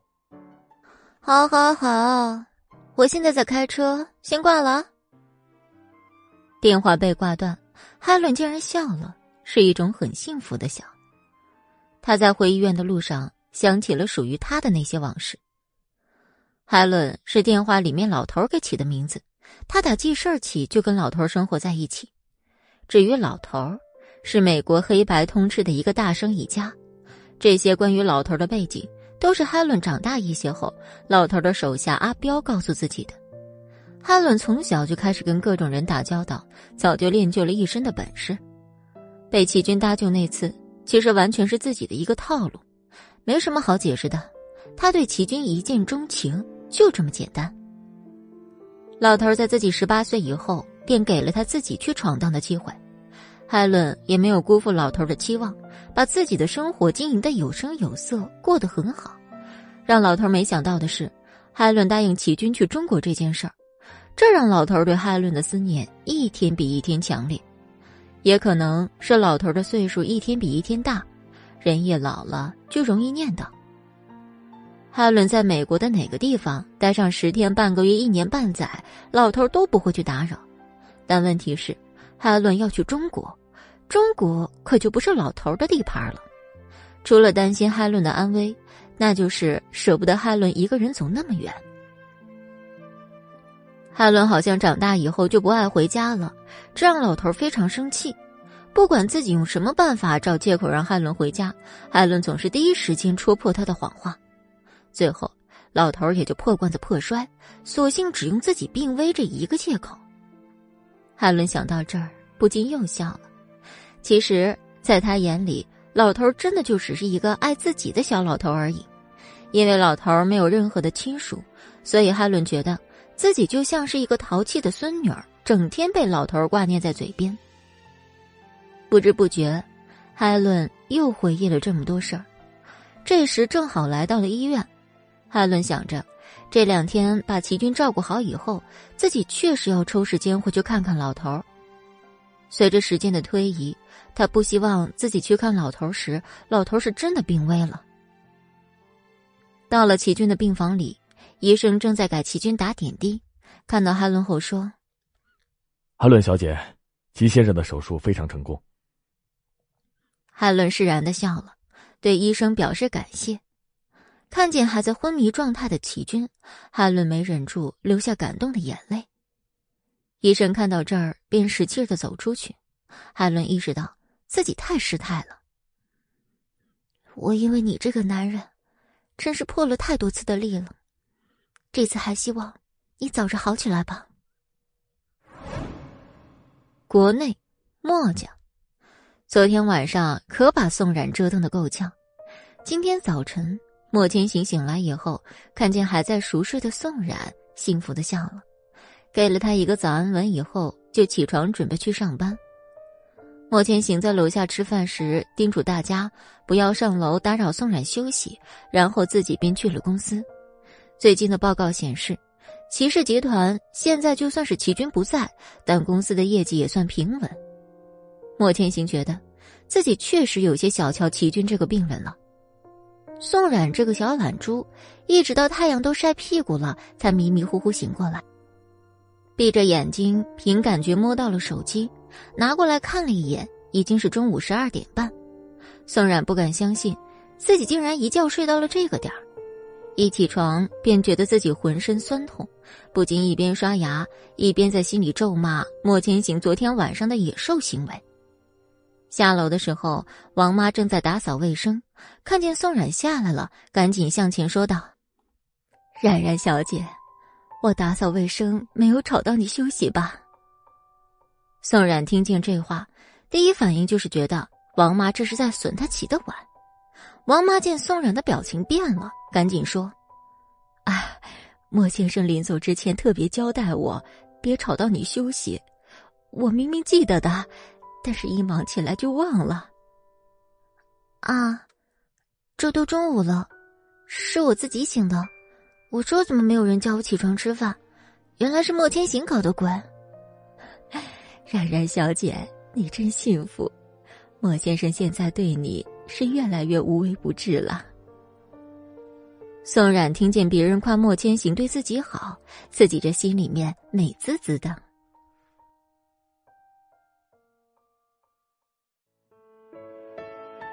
百三十二集。齐军在梦里过得很安逸，甚至有一丝不想醒起的念头。与此同时，在病房里等待齐军醒过来的海伦有些焦虑。一个多小时以后，他把医生叫了过来。医生，齐军现在还没醒过来，手术确定没有问题吗？那现在这情况怎么办？按照正常情况来说，齐先生现在已经会醒过来了。我刚才给齐先生量了一下体温，有些反常的是，他现在的体温过高。海伦小姐，你也不要太担心了。我怎么可能不担心？医生，齐军现在处于发烧状态，这是导致他还没醒的原因吗？齐军这种情况，你们医院有没有先前的案例？现在解决的办法又是什么？这样下去会不会有危险啊？面对海伦一连串的问句儿，医生有些不知道该怎么组织他的语言来安慰海伦。海伦觉得，国外这些医生最不好的就是说话速度太慢，这一点他还是更喜欢中国的大夫。不管你身体有问题还是没问题，医生逮着你都可以唠一唠。医生抬头跟海伦对视后，想到一个折中的办法。海伦小姐，咱们去办公室里面聊吧。现在齐先生需要静养，你放心。海伦看了一眼还正躺着的齐军，想着自己刚才情绪激动，说话的声音真的有些大，于是他给齐军掖了掖被角以后，跟着医生去了他的办公室。接下来的半个多小时，海伦一直在听医生介绍齐军的病情，大体的意思就是，齐军这种手术后依然昏迷的状况很不常见。他现在也不敢确定齐军的昏迷和发烧有没有关系，现在能做的就是静静的等待。齐军可以自然醒来的话，自然是万事大吉；如果在一个小时以后，齐军依然没有醒过来的话，那么医生会再次给齐军检查一遍身体，寻找导致他昏迷的真正原因。道理哈伦都懂，但是他就是想不开。明明齐军的手术那么成功了，他就是不明白齐军还有什么理由不醒来。现在齐军还莫名其妙的发起烧了。海伦知道，现在自己说这些话已经没有什么用了。在医生办公室里出来以后，海伦给阿彪打了一个电话。电话那头对于海伦的来电感到非常的惊奇。喂，海伦小姐。阿彪。我这边朋友出了一点小问题，可能回去看老头的时间又要往后推了。手机那头先是一愣，然后便传来老头大吼大叫的声音：“死丫头，我不管，你一定要回来看我！”海伦为了让世界安静下来，只好挂断电话。有些心烦意乱的海伦再次回到齐军的病房里，现在能做的。就是老老实实的守在齐军的病床前，希望齐军可以早一点醒过来。莫千行现在跟宋冉的小生活一天比一天甜蜜，作为单身的思慕再次感受到了成倍的暴击。今天下班以后，思慕又接到来自母亲大人的关心来电，他只好连接上蓝牙，一边开车一边接听电话。刚一接通，就听见母亲大人说。木木啊，咱们现在年纪也不小了，对不对？隔壁的王阿姨都抱上孙子了，我跟你爸真是为你着急。思慕一听就知道，母亲大人打电话的意图是什么。催婚是每一个人必经的路程，要是以前，思慕肯定是开始各种找借口，又或者推掉母亲大人的好意。但今时不同往日，妈。我已经有喜欢的人了，现在正在努力，争取年前给你带回去。真的，这次要是再骗我，今年过年就不用回来了。呃，是真的，只不过人家女孩子还不知道我喜欢她。你放心吧，我一定努力把她追到手，带回咱家的。母亲大人听到思慕的话后，甚是欣慰，又唠叨了几句，便愉快的结束了这次通话。思慕不知道的是，妈妈在挂断电话以后，立刻给莫千行打了电话。接到思慕妈妈电话时，莫千行和宋冉正在超市买东西。莫千行的声音在长辈面前稍微有一些温和：“喂，阿姨好。”“哎，好，好，好，小莫呀，阿姨这时候给你打电话，没打扰到你吧？”“不会，我刚到超市，阿姨。”给我打电话是有什么事情吗？哎，我听说，思慕他有喜欢的人了，你知道这件事儿吗？那女孩子是谁呀？我认不认识她呀？思慕有喜欢的人了，最近工作挺忙的，那应该是公司里面的人吧？阿姨，你放心，我会帮你打听的。好的，好的，那小莫你先忙，有空啊要来拉力家里玩啊。好的，阿姨，你和叔叔要多注意身体啊！再见。宋冉见电话被挂断以后，这才八卦的贴在莫千行身上。思慕又开窍了，谁家姑娘被他喜欢上了？我好像已经猜到了。宋冉看莫千行得意的样子，好像真的已经知道思慕喜欢的是谁。接下来的超市也没怎么逛，宋冉一直缠着莫千行，因为他非常好奇思慕喜欢的女孩子到底是谁。莫千行一直没有告诉他，只是在给他提示：远在天边，近在眼前。不知道为什么，宋冉第一个想到的人竟然是小静，这也太可怕了！这想法一出，宋冉自己都吓了一跳。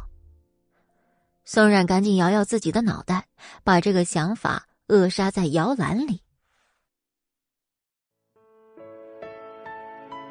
十三集，齐军在病床上足足躺了四个多小时，才缓缓的醒过来。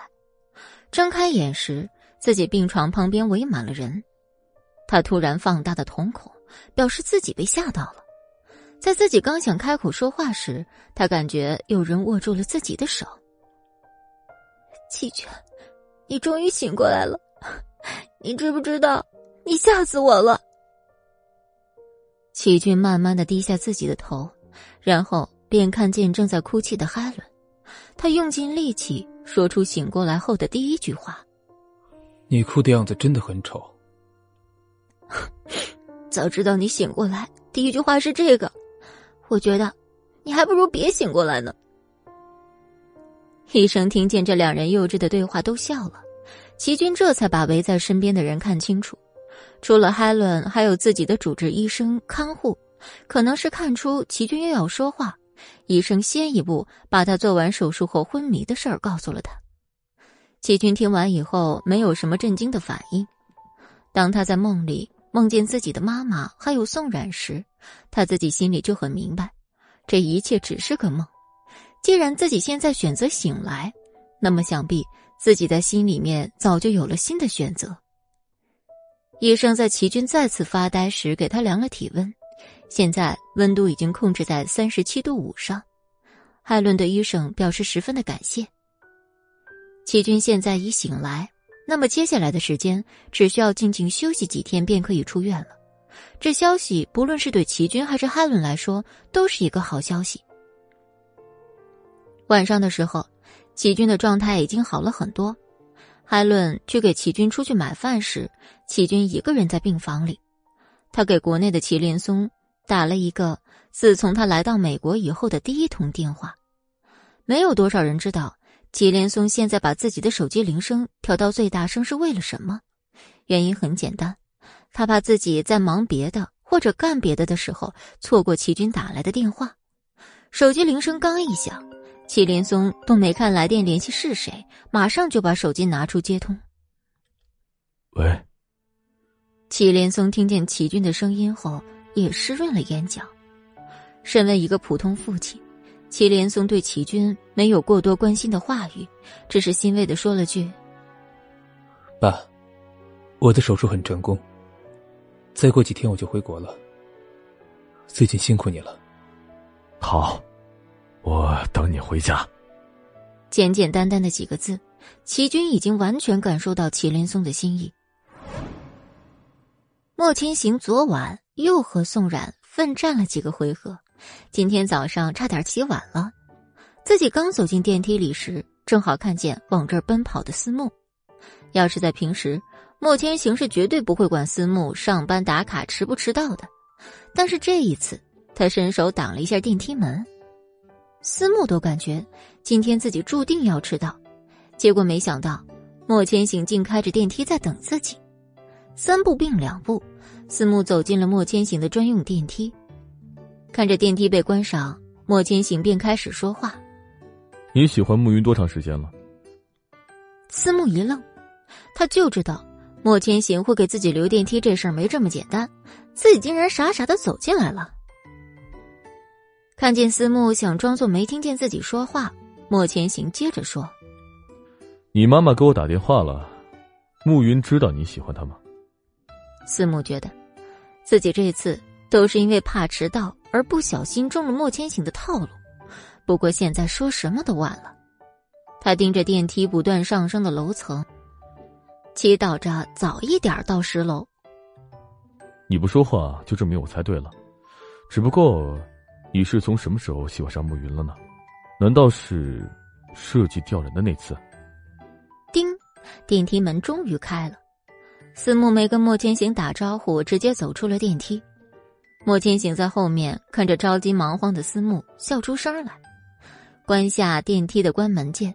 莫千行回到自己的办公室，这时暮云敲门走进来，汇报今日份的工作安排。莫千行盯着暮云看了老半天，暮云凭借女人第六直觉，感觉莫千行今天非常不对劲儿。在汇报完工作以后。暮云没有直接走出去，而是对莫千行说：“莫总，我脸上有什么东西吗？”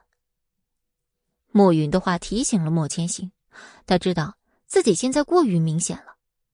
莫千行赶紧恢复自己以往的模样，对暮云摆了摆手：“没什么，你先下去吧。”暮云不好再说什么，只好点点头，退出莫千行的办公室。思慕喜欢暮云这件事儿。他没告诉任何人。他想到今天早上在电梯里莫千行对自己说的话，思慕表示莫千行真的是太危险的人物了。自己心里那点小九九，现在全被莫千行看透了。接下来自己该怎么办呢？暮云应该还不知道自己喜欢他，那么表白这件事儿肯定还是要莫千行来帮忙的。想到这儿，思慕已经没有办法继续认真工作了。他走出办公区，按下了前往莫千行办公室的电梯键。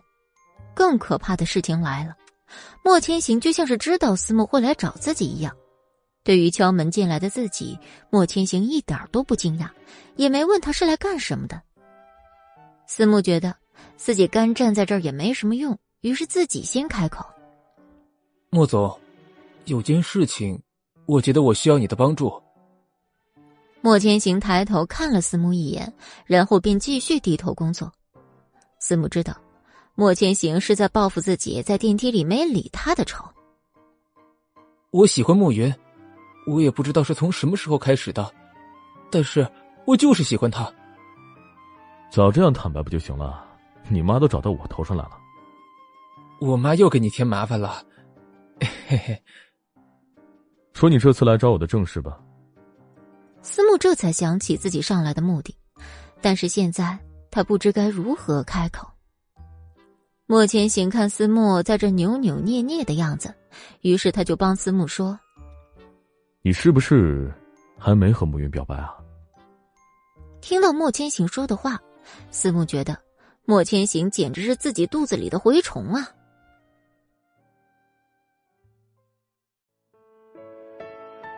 三十四集。思慕什么都不用说，莫千行就猜的差不多了。现在莫千行觉得，思慕什么时候表白不表白都不是重点，重点是慕云喜不喜欢思慕。思慕想了一下，觉得莫千行说的有道理。现在确实只是思慕一个人的暗恋，慕云本人还不知道这件事儿呢。于是讨论的最后结果是，思慕垂头丧气的从莫千行的办公室里出来。因为他面临的问题才是最大的难题，那就是慕云喜不喜欢他。莫千行看着思慕离开以后，觉得自己有必要替思慕做点什么。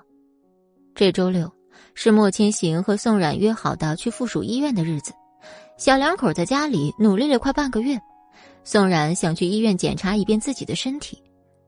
宋冉最近的心情一直都保持的不错，但这周有些焦虑。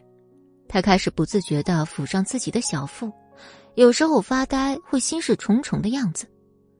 莫千行有跟宋冉聊过这件事儿，宋冉应该是太想要怀上孩子导致的焦虑症。为此，莫千行有好好的给宋冉疏导这件事儿。这件事情主要就是顺其自然，不要给自己太多压力。宋冉点点头就答应了，可惜效果不大。莫千行打算这个周六去检查身体时，顺便去一趟心理诊室，不然让宋冉任现在这样子发展，他怕宋冉压力过大会出现什么问题。明蕊出院以后，和林雨柔说了在妇产科遇见宋冉的事儿，林雨柔装作很惊讶。接下来，明蕊告诉了一件让林雨柔真正惊讶的事情。你知道吗？我本来不想听墙角，但是无意中听见“怀孕”两个字儿，我就停下来多听一会儿。宋冉这个女人，不能生。你说的都是真的？宋冉她生不出孩子来？真的，我骗你干什么呀？我连那医生的办公室、门诊室都记下来了，你可以找人去打听。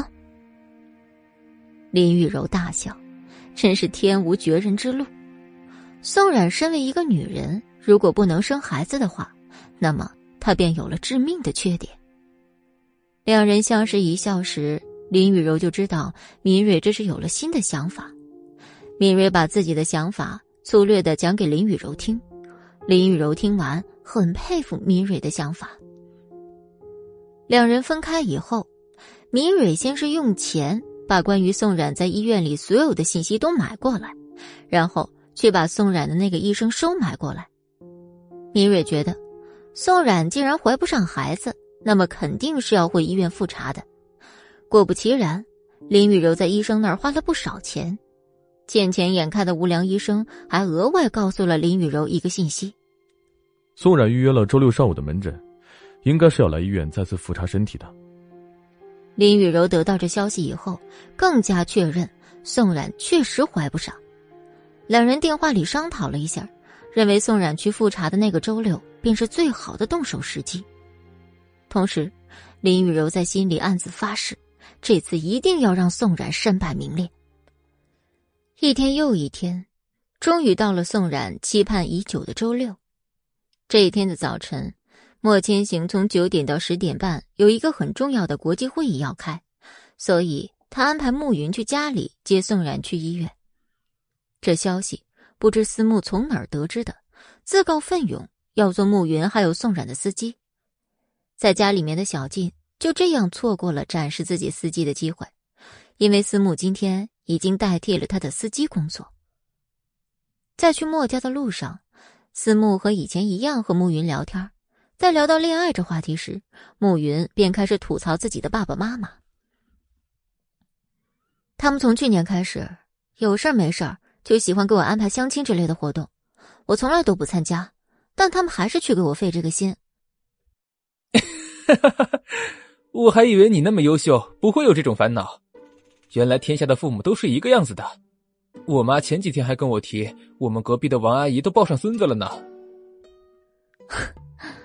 我也觉得咱们九零后真是不容易，家长比咱们着急多了。恋爱又不是我想谈就谈，我上哪儿找对象啊？我妈妈很喜欢你的，前几天给我打电话的时候还问到你了呢。阿姨啊，我也很想念阿姨包的饺子呀。你有时间就多回家看看吧，暮云。其实我，要不咱们试试？结果，暮云的手机响了。暮云，你们现在来了吗？我已经准备好了。莫千行什么时候能忙完呀？宋然小姐，我们马上就到。莫总，这个会议最早十点半能结束，到时候直接去医院找你。交代清楚以后。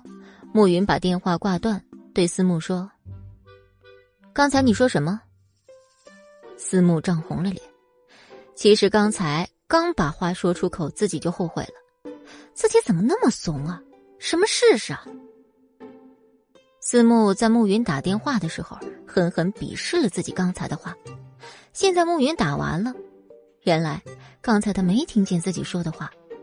思慕现在的心情很复杂，原来他也不知道。到底想不想让慕云听见？啊，没什么，没什么，咱们马上就到墨家了。嗯，设计部今天不忙吗？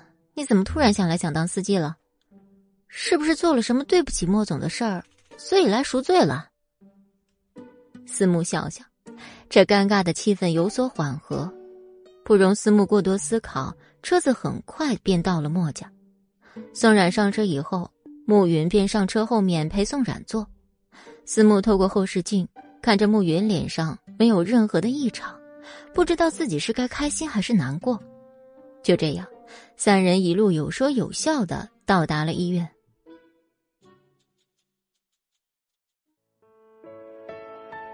急，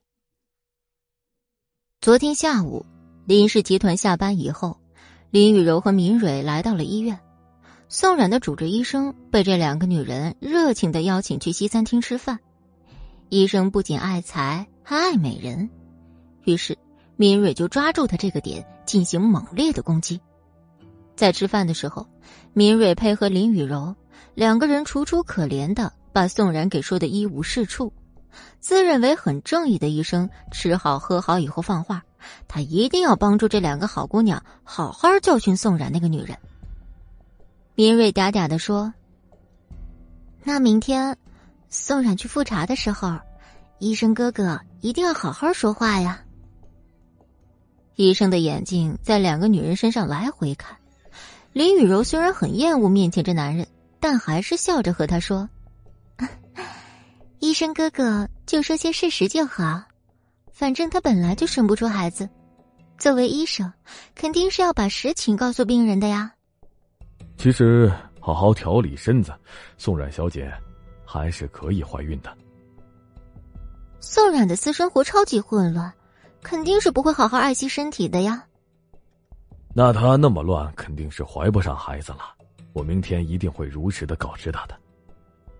米瑞和林雨柔相视一笑，三个人举杯喝下一杯酒。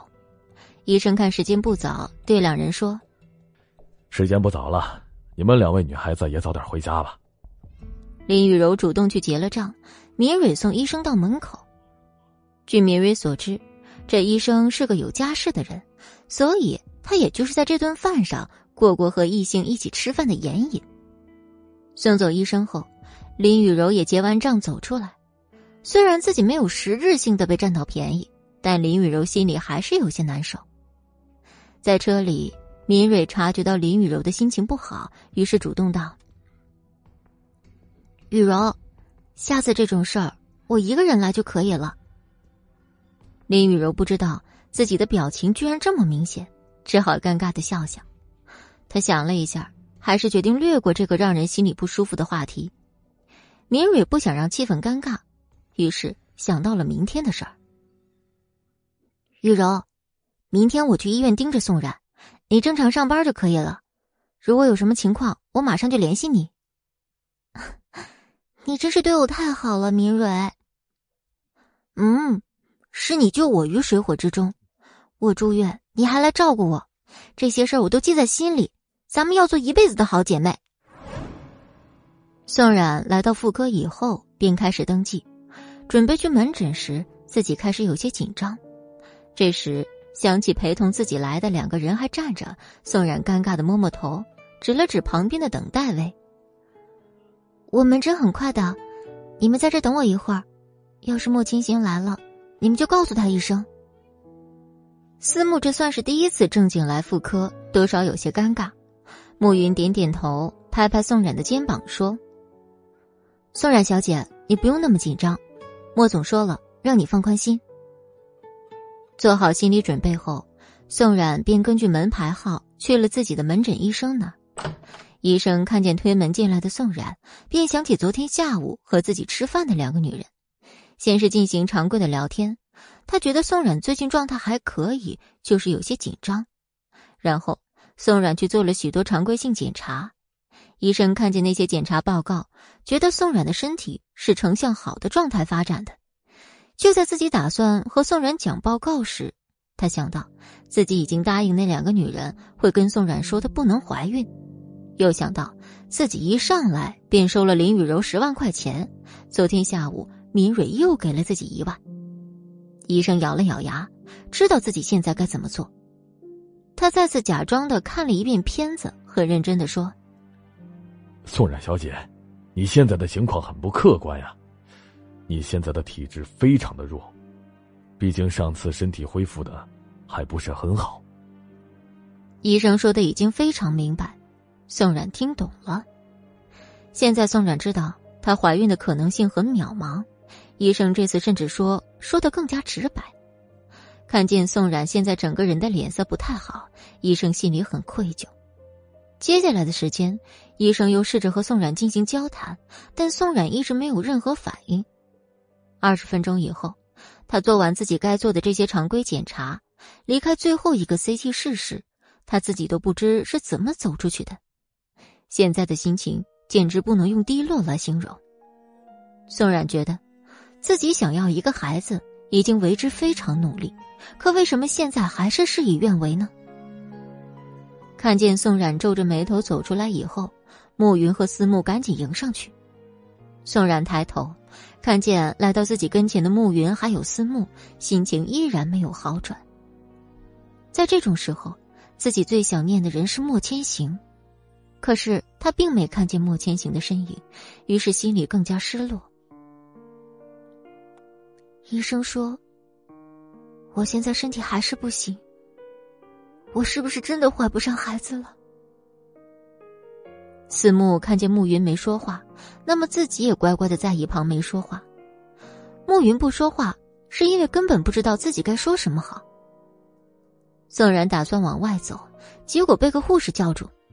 “你好，宋冉小姐，你刚才做的检查还有两项没出来，你看要不要多等一会儿？”“不看了，我现在想离开，透透气。”“哎，钱都花了，只要等待拿一个报告单。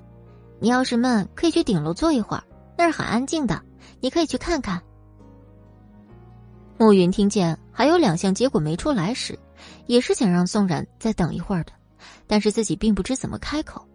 现在小护士先提议，他想了下说：“要不，宋冉小姐，咱们去顶楼透透气吧。这个时间段，莫总开完会了，咱们直接在医院等他一起回家吧。”顶楼我还没去过呢，咱们上去看看吧。宋冉现在的脑袋已经不会转圈思考了。满脑子都是自己不能怀孕的声音，不过他听见暮云说莫千行一会儿会来医院找自己，宋冉点点头，表示自己愿意去医院的顶楼待一会儿。小护士这才放下心来，并且还非常好心的送三人上了顶楼的电梯。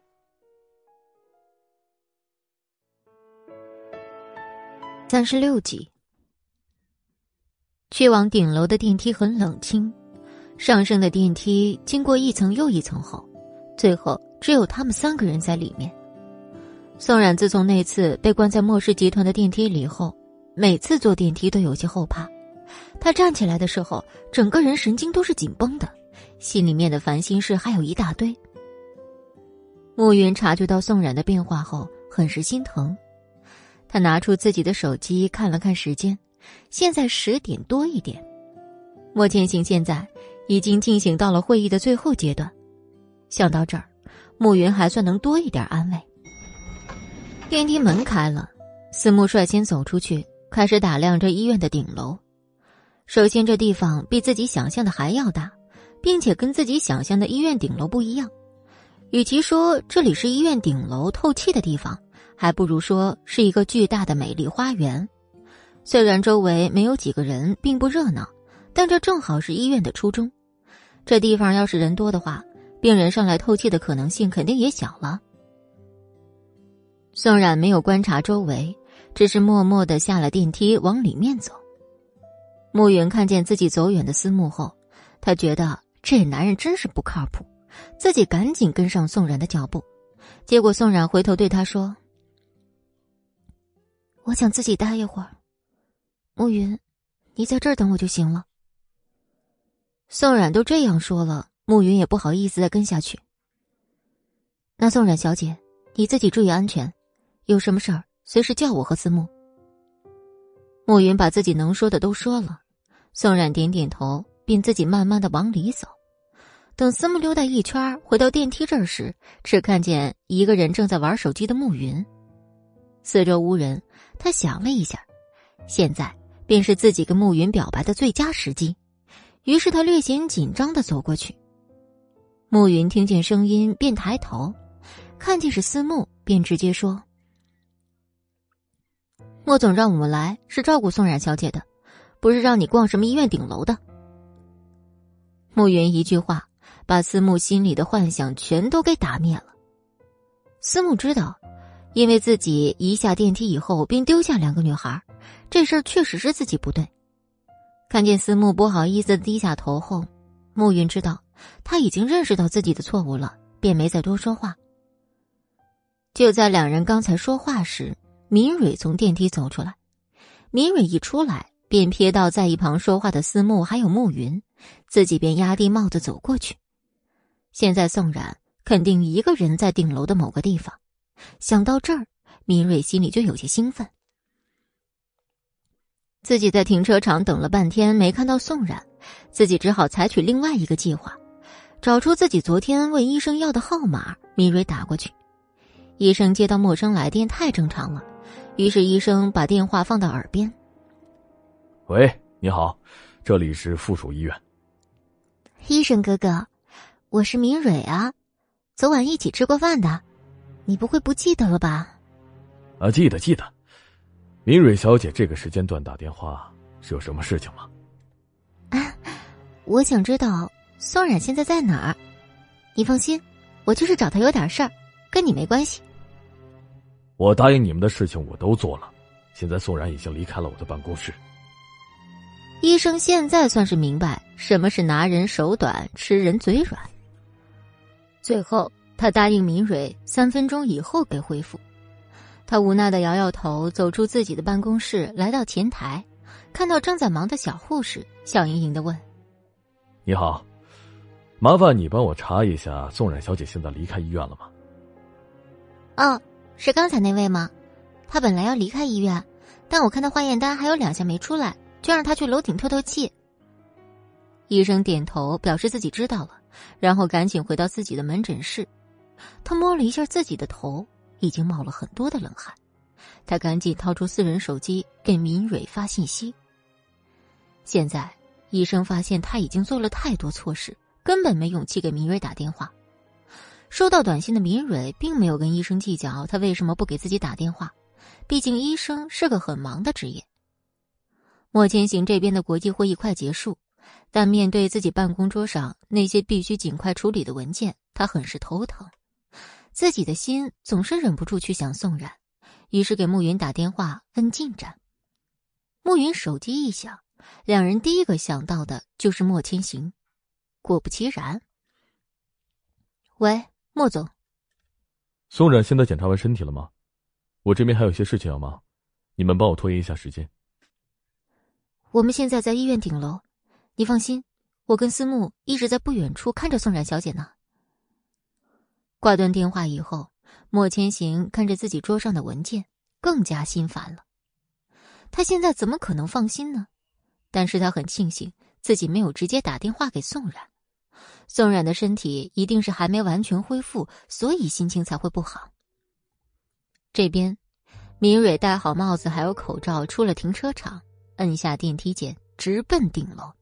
想到宋冉现在心灰意冷的模样，明蕊就觉得简直大快人心。到了楼顶以后，明蕊先是找到宋冉的所在地，距离宋冉不远的地方，她坐了下来。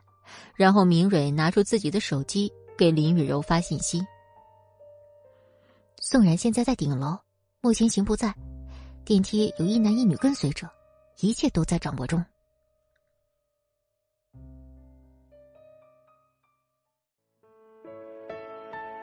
四百三十七集，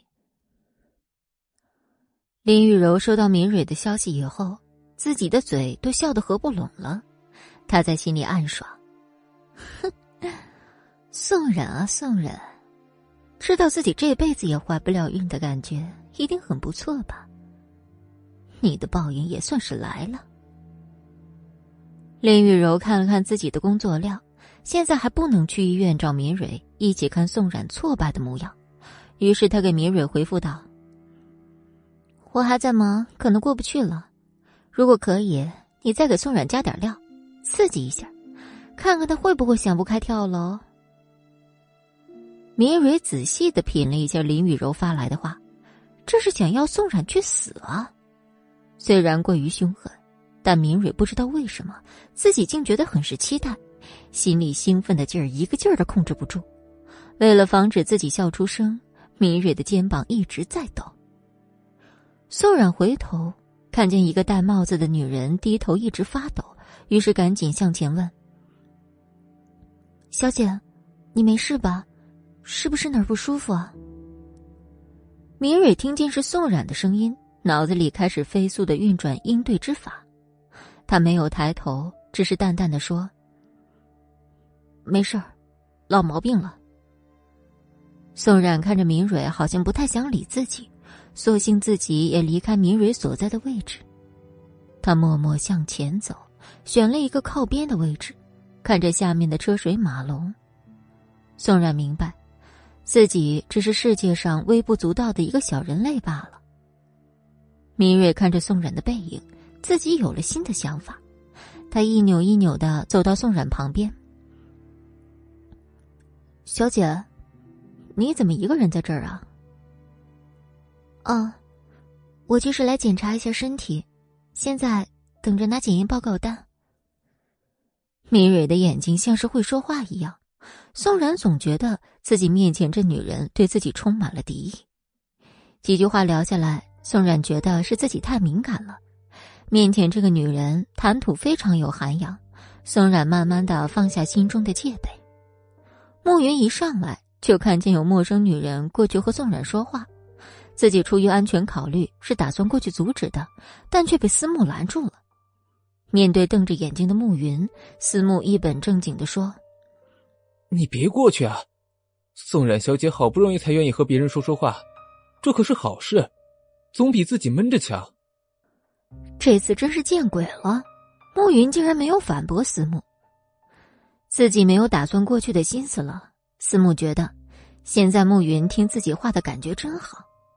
暮云在心里的真实想法是：莫总现在虽然国际会议开完了，可今天的工作文件还有很多。刚开始还担心宋冉小姐会在楼顶待不住，现在有一个人愿意陪宋冉说说话，确实挺好的。现在这个样子看来，又可以给莫千行多争取一点时间了。暮云看了看宋冉，现在一切正常后。自己便又开始在手机上忙自己的事儿。设计部最近都不是很忙，所以他今天是一个大闲人。他偶尔偷偷的看几眼暮云，然后便转移自己的视线看向远处。思慕觉得自己现在的心情好极了。美国，齐军身体各方面都在慢慢的恢复。这一天是周六。医院里面人很少，很冷清。齐军醒来的时间比较早，闲来无事便正着窗子外面安静的发呆。海伦推门走进来，便看见这一幕，他也没有走进去打扰齐军，只是静静的看着正在看窗外的齐军，心中又多了一丝温柔。不知道过了多久，齐军先回过了头，看见正站在门口的海伦。他没有很惊讶，只是淡淡笑着说：“来了，怎么没有进来？看着发呆也是一种享受啊。”宋二伯现在怎么样？他不知道幕后是我，所以我还想请你出马。大哥，能不能先把身子养好了再说这些事儿啊？你临上手术台之前，不就是让我去找他吗？真的值得吗？齐军不知道怎么回答海伦最后那句疑问，他缓缓的把头转向窗边。海伦看这个样子，有些后悔提起这句话了。最后还是海伦先败下阵来。孙二伯现在在的地方非常安全，不过我还没去看他。医生说你这几天是恢复的关键期，要保持一个良好的心情。宋冉，说起这个名字都有些陌生。其实我们已经很久都没有见过了，我也没有刻意的去打听他的消息，我想等我强大一些再去找他。我一定要打败莫千行。我不知道我现在做的一切值不值得，但是我不后悔是真的。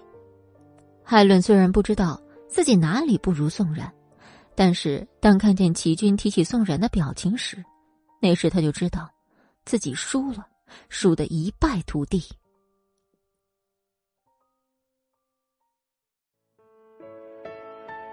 百三十八集，宋冉怎么也没有想到。自己竟然会在医院的顶楼和一个素未谋面的女人聊起天儿。时间一分一秒的过去，他竟没有聊出一丝的不适，但是在明蕊这儿可就不一样了。他现在跟宋冉聊天，表面上表现出温和的样子，但内心邪恶的想法一点都没少。宋冉托着腮看着明蕊这副严实的打扮，心中很是疑惑：“你为什么？”一直把自己捂得这么严实啊！哦，我的脸被烧伤了，所以暂时只能先这样。宋冉小姐，你不会介意我这个样子吧？啊，怎么会呢？倒是我太唐突了。宋冉，你怎么知道我叫宋冉啊？米蕊的身子一下就僵住了，心里面的毒白是：完蛋了，完蛋了！自己刚才大意了，这下该如何是好？宋冉看见明蕊的身体有明显的变化，他有了一种不祥的预感。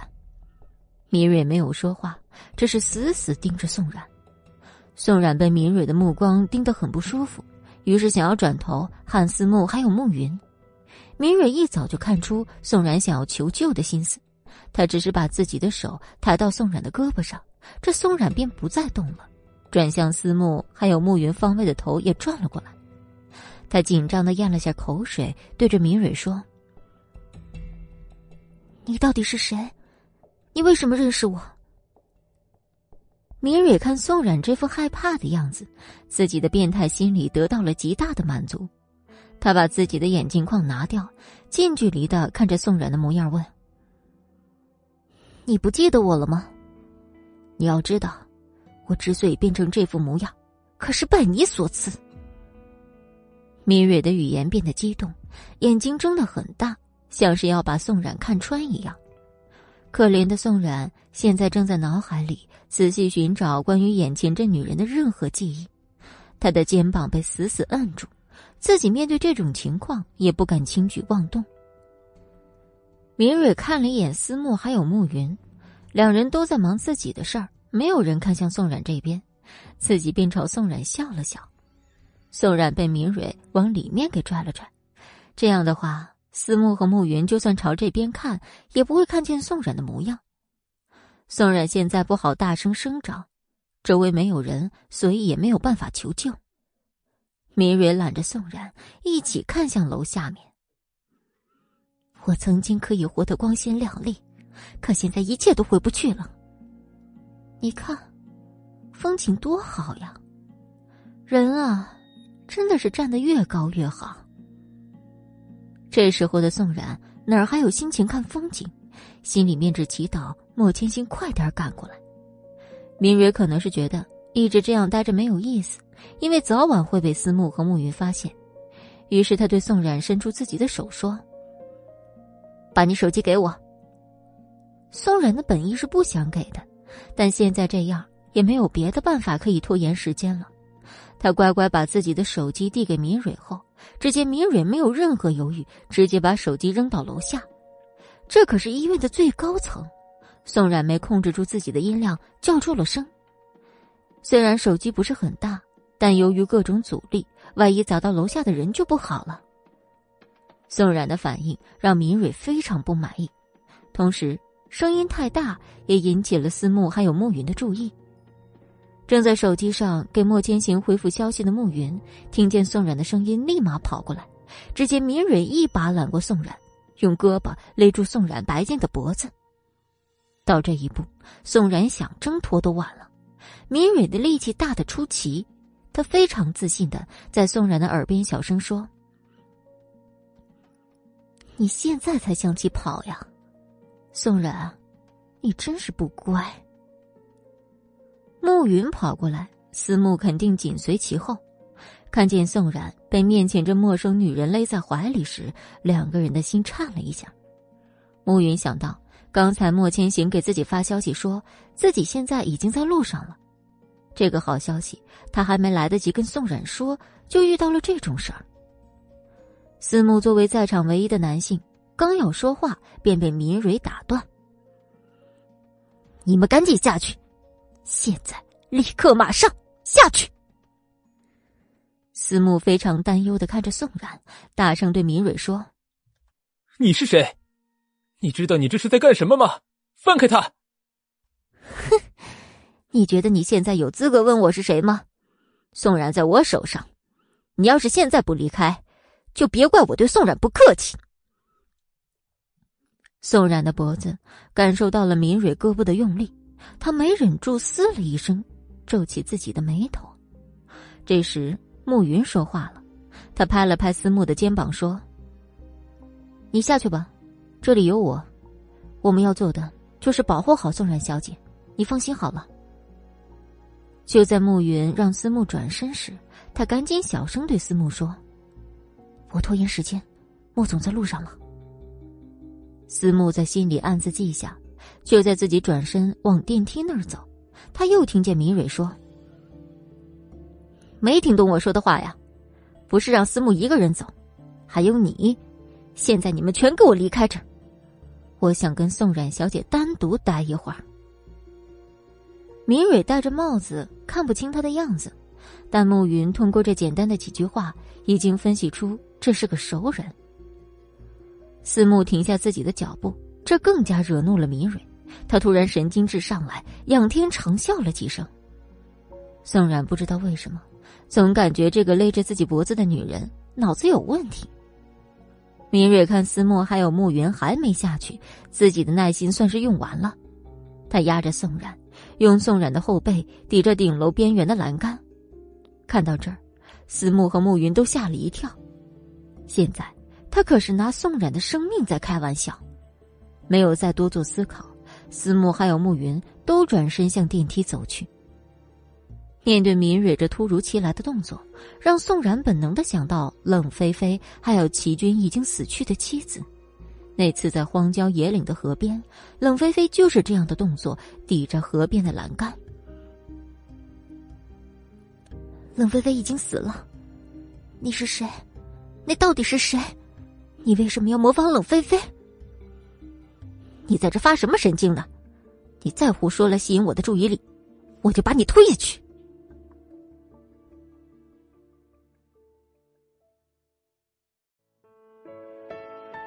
三十九集，在电梯门就要关上时，暮云觉得自己好像听见了宋冉说“冷菲菲”还有什么死了的这种话，于是他问道：“思慕，你听见没有？宋冉小姐最后好像在给我们说线索。冷菲菲，你还记得吧？”可是，暮云，你不会是忘记了吧？冷菲菲已经死了呀！那个女人在钢铁工厂里面。替骑士的齐军挡了一刀呢。暮云赶紧拿出自己的手机，打算给莫千星打电话，可是他发现电梯里手机竟没有信号，他心情忽然烦躁起来。冷菲菲已经死了，那宋冉提到冷菲菲究竟是何用意？思慕看见暮云这样，感觉自己什么忙都帮不上，这种感觉实在太糟糕了。终于到达一楼后。暮云拍了拍自己脑袋，说：“咱们下一层就行了，为什么要到一楼来？”听完暮云说的话，思慕只能自己尴尬的摸摸头。就在两人要重新坐电梯上去时，莫千行来了电话，暮云只好硬着头皮接听了莫千行打来的电话。“喂，你们现在在哪儿？我已经快到医院了，这边的红灯路有点堵。”看见暮云为难的样子。思慕把暮云的手机拿到自己的耳边说：“穆总，宋冉小姐刚才在楼顶被一个陌生女人挟持了。怎么回事啊？刚才是什么情况？现在宋冉在哪里？”暮云给思慕一个白眼话语权再次掌握在自己手里。宋冉小姐还在楼上，被逼无奈，我跟思慕都下来了。那女人把自己捂得严实，我目前只能确定是熟人作案。好了，你们什么都不要再说了，我马上就要到了。这件事情不要惊动医院的人。这次宋冉在顶楼如果发生了什么危险的话，你们两个我一个也不会放过的。是莫总。在顶楼被明蕊抵在边缘栏杆的宋冉，心里面比刚才被挟持还要紧张。此情此景，他真的忍不住把面前这个看不见脸的人和冷菲菲联系起来。可是冷菲菲已经去世了，并且自己当时也在现场。想到这儿，宋冉觉得自己的身子又被敏锐的力量给往后压了压。你到底是谁？为什么要来针对我？敏锐觉得自己这样居高临下的看着狼狈的宋冉，这感觉真是太爽了。要不是因为现在不能暴露林雨柔的身份，敏锐觉得自己真想给林雨柔打一个视频电话。原来，宋冉小姐刚才走神儿，是在猜测我的身份啊！时间过去了这么久，你现在猜到我是谁了吗？宋冉想控制自己的心跳，可自己的身子就是止不住的发抖。明蕊看见宋冉紧咬着嘴巴，还有他发抖的身体，禁不住又笑出了声。他心想，既然宋冉不知道自己是谁。那么趁机打击一下宋冉也很有趣呢。我，就是你的报应。这样吧，让我想想。我问你一个问题，如果你回答对了，我就放你走，好不好？宋冉根本不知道自己面前这个女人究竟是谁，那么拖延一些时间给莫千行来救自己也好。看见宋冉点头后，明蕊满意的说：“你说，一个女人最重要的是什么？”宋冉飞快的转动自己的大脑，自己刚才在和他聊天时说到了他的脸。想到这儿，宋冉心里一下便有了答案：容貌。听到宋冉说出“容貌”二字，明蕊更加在心中确定宋冉是个狐狸精。宋冉肯定是靠着自己这副皮囊拆散了林雨柔还有莫千行的姻缘，自己借此上位。看明蕊迟迟没反应，宋冉还以为自己答对了。你放心，只要你现在放了我，你相信我，我一定帮你把受伤的脸恢复的。我的脸？哼，你这傻子还真以为我脸被烧伤了？哼，真不知道。你是真傻还是装出来的？你这种女人啊，对付男人还可以，但对我没用。听见明瑞嘴里越来越难听的话，宋冉觉得自己真的是傻。明明觉得自己是在用心交朋友，可眼前这个陌生女人从头到尾都在骗自己。她现在被抵在栏杆上，不敢乱动，可自己的手还是有一定活动能力的。宋冉现在的心里已经想好了，哪怕觉得自己等下要做的这件事儿可能会有危险，但他必须这样做，哪怕可能会搭上自己的性命。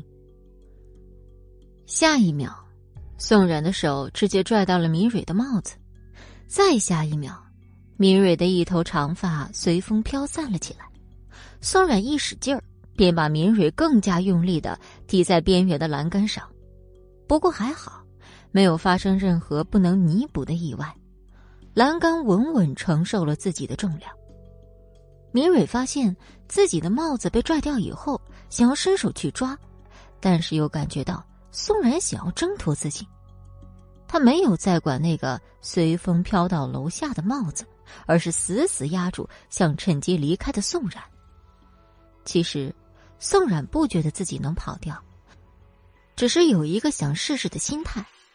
人嘛，总认为自己有很多的侥幸时刻。当两人再次四目相对时，敏蕊没有因为脸被看见而恼火。宋冉看着冲自己笑的敏蕊，只觉这女人有些眼熟，但叫不上名字。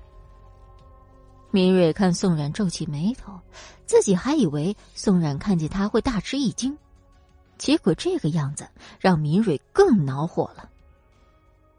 你好啊，宋冉，你一点都不怪。不过现在，才算是我们的正式见面吧。宋冉在大脑飞速寻找着女人的印象，可就是没想起来。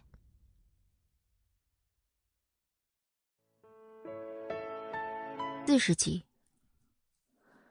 莫天行把车子停好，然后给慕云发了消息：“我到了。”自己飞快走进电梯里，同时，慕云收到消息以后，第一时间跟思慕赶到电梯口等着。三人会合以后，思慕跟慕云大气都不敢出一下。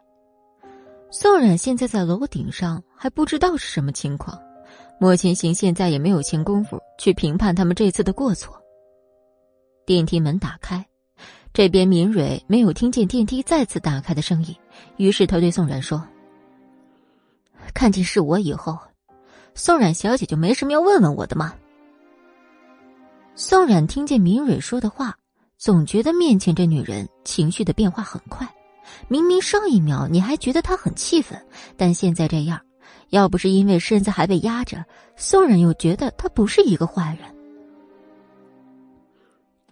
为什么要这样针对我？你是受人之托吗？明蕊觉得。宋冉问的这个话非常可笑，她加深了自己手的力度，把宋冉的头往栏杆外面按了按。这一下，宋冉本能就想挣扎，但他自己这弯腰姿势的幅度一旦大了，可能会先掉下去。你放开他！就在宋冉觉得自己这次真要完蛋时，他听见了莫千行的声音。明蕊的手明显顿了下，但并没有把宋冉的身子往里面拉一拉的样子。他望向朝自己走来的莫千行，明蕊仿佛一下子又回到自己还在莫氏集团工作的时候。那时他刚来秘书组，明蕊最大的愿望就是当上莫千行的私人秘书。要是在以前看见莫千行朝自己这方向走过来的话，明蕊晚上回家睡觉做梦都会笑醒。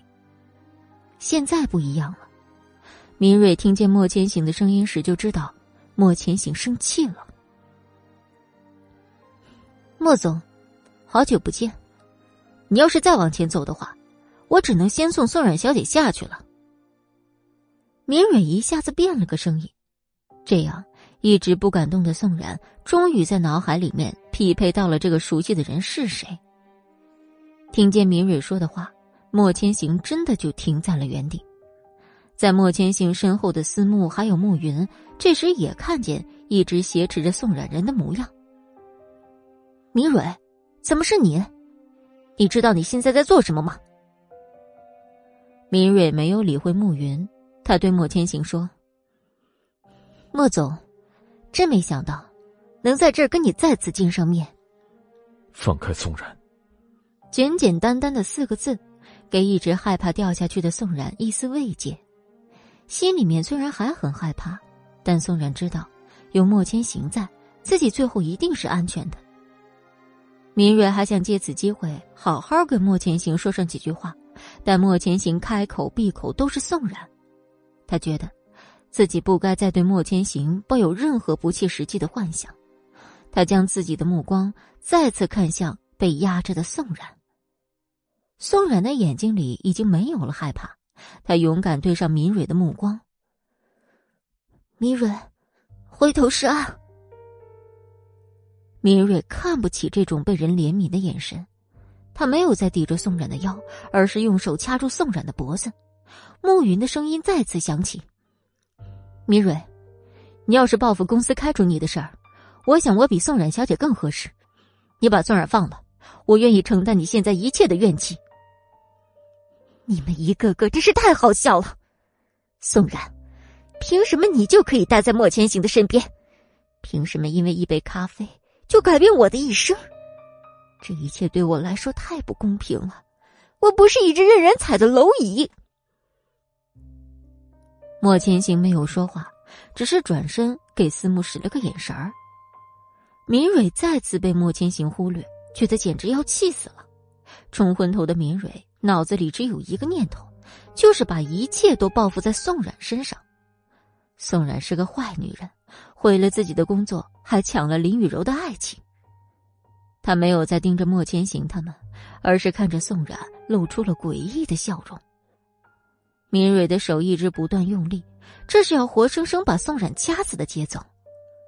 莫千行暗自握紧了自己的拳头，自己想替宋冉承受这份疼痛，可明蕊就像个疯子一样，这时更不能轻举妄动。莫千行觉得还不是时候，自己还需要等待一个合适的时机救下宋冉。这一边，宋冉被明蕊死死掐着脖子，自己现在呼吸都成问题。更别提说话了。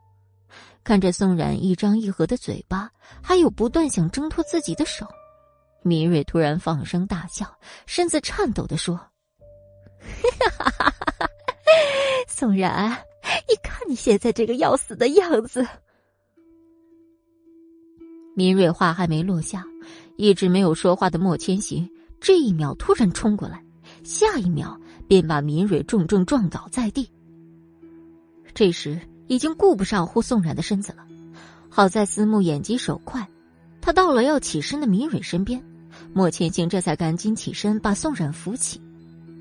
暮云刚才没反应过来，看见大家都倒在地上，才赶紧跑过来。米蕊被思慕一个大男人摁在地上，自己有再大的力气，可也是个女人，所以根本跑不掉。被莫千行扶起的宋冉刚想说话，就觉得小腹一阵抽痛。看宋冉捂着肚子，莫千行赶紧冲暮云说：“愣着干什么？快去叫医生！”暮云点点头，就往电梯的方向跑。莫千行赶紧看向宋冉：“哪里不舒服啊？刚才吓到你了吧？没事了，现在没事了。”宋冉还没说话，明蕊诡异的大笑起来：“ 宋冉，你已经失去了最重要的东西。”这就是报应啊！你快醒醒吧，这时候捂肚子有什么用？你是一个连孩子都生不出来的女人。宋冉的身子晃了下，整个人都不太好了。这时，自己脑海中想起跟敏蕊的对话，敏蕊问自己的问题。他说：“一个女人最重要的是什么？”莫千行恶狠狠的瞪了敏蕊一眼，随后。思慕赶紧抓着敏蕊的肩膀，起身一起下去了。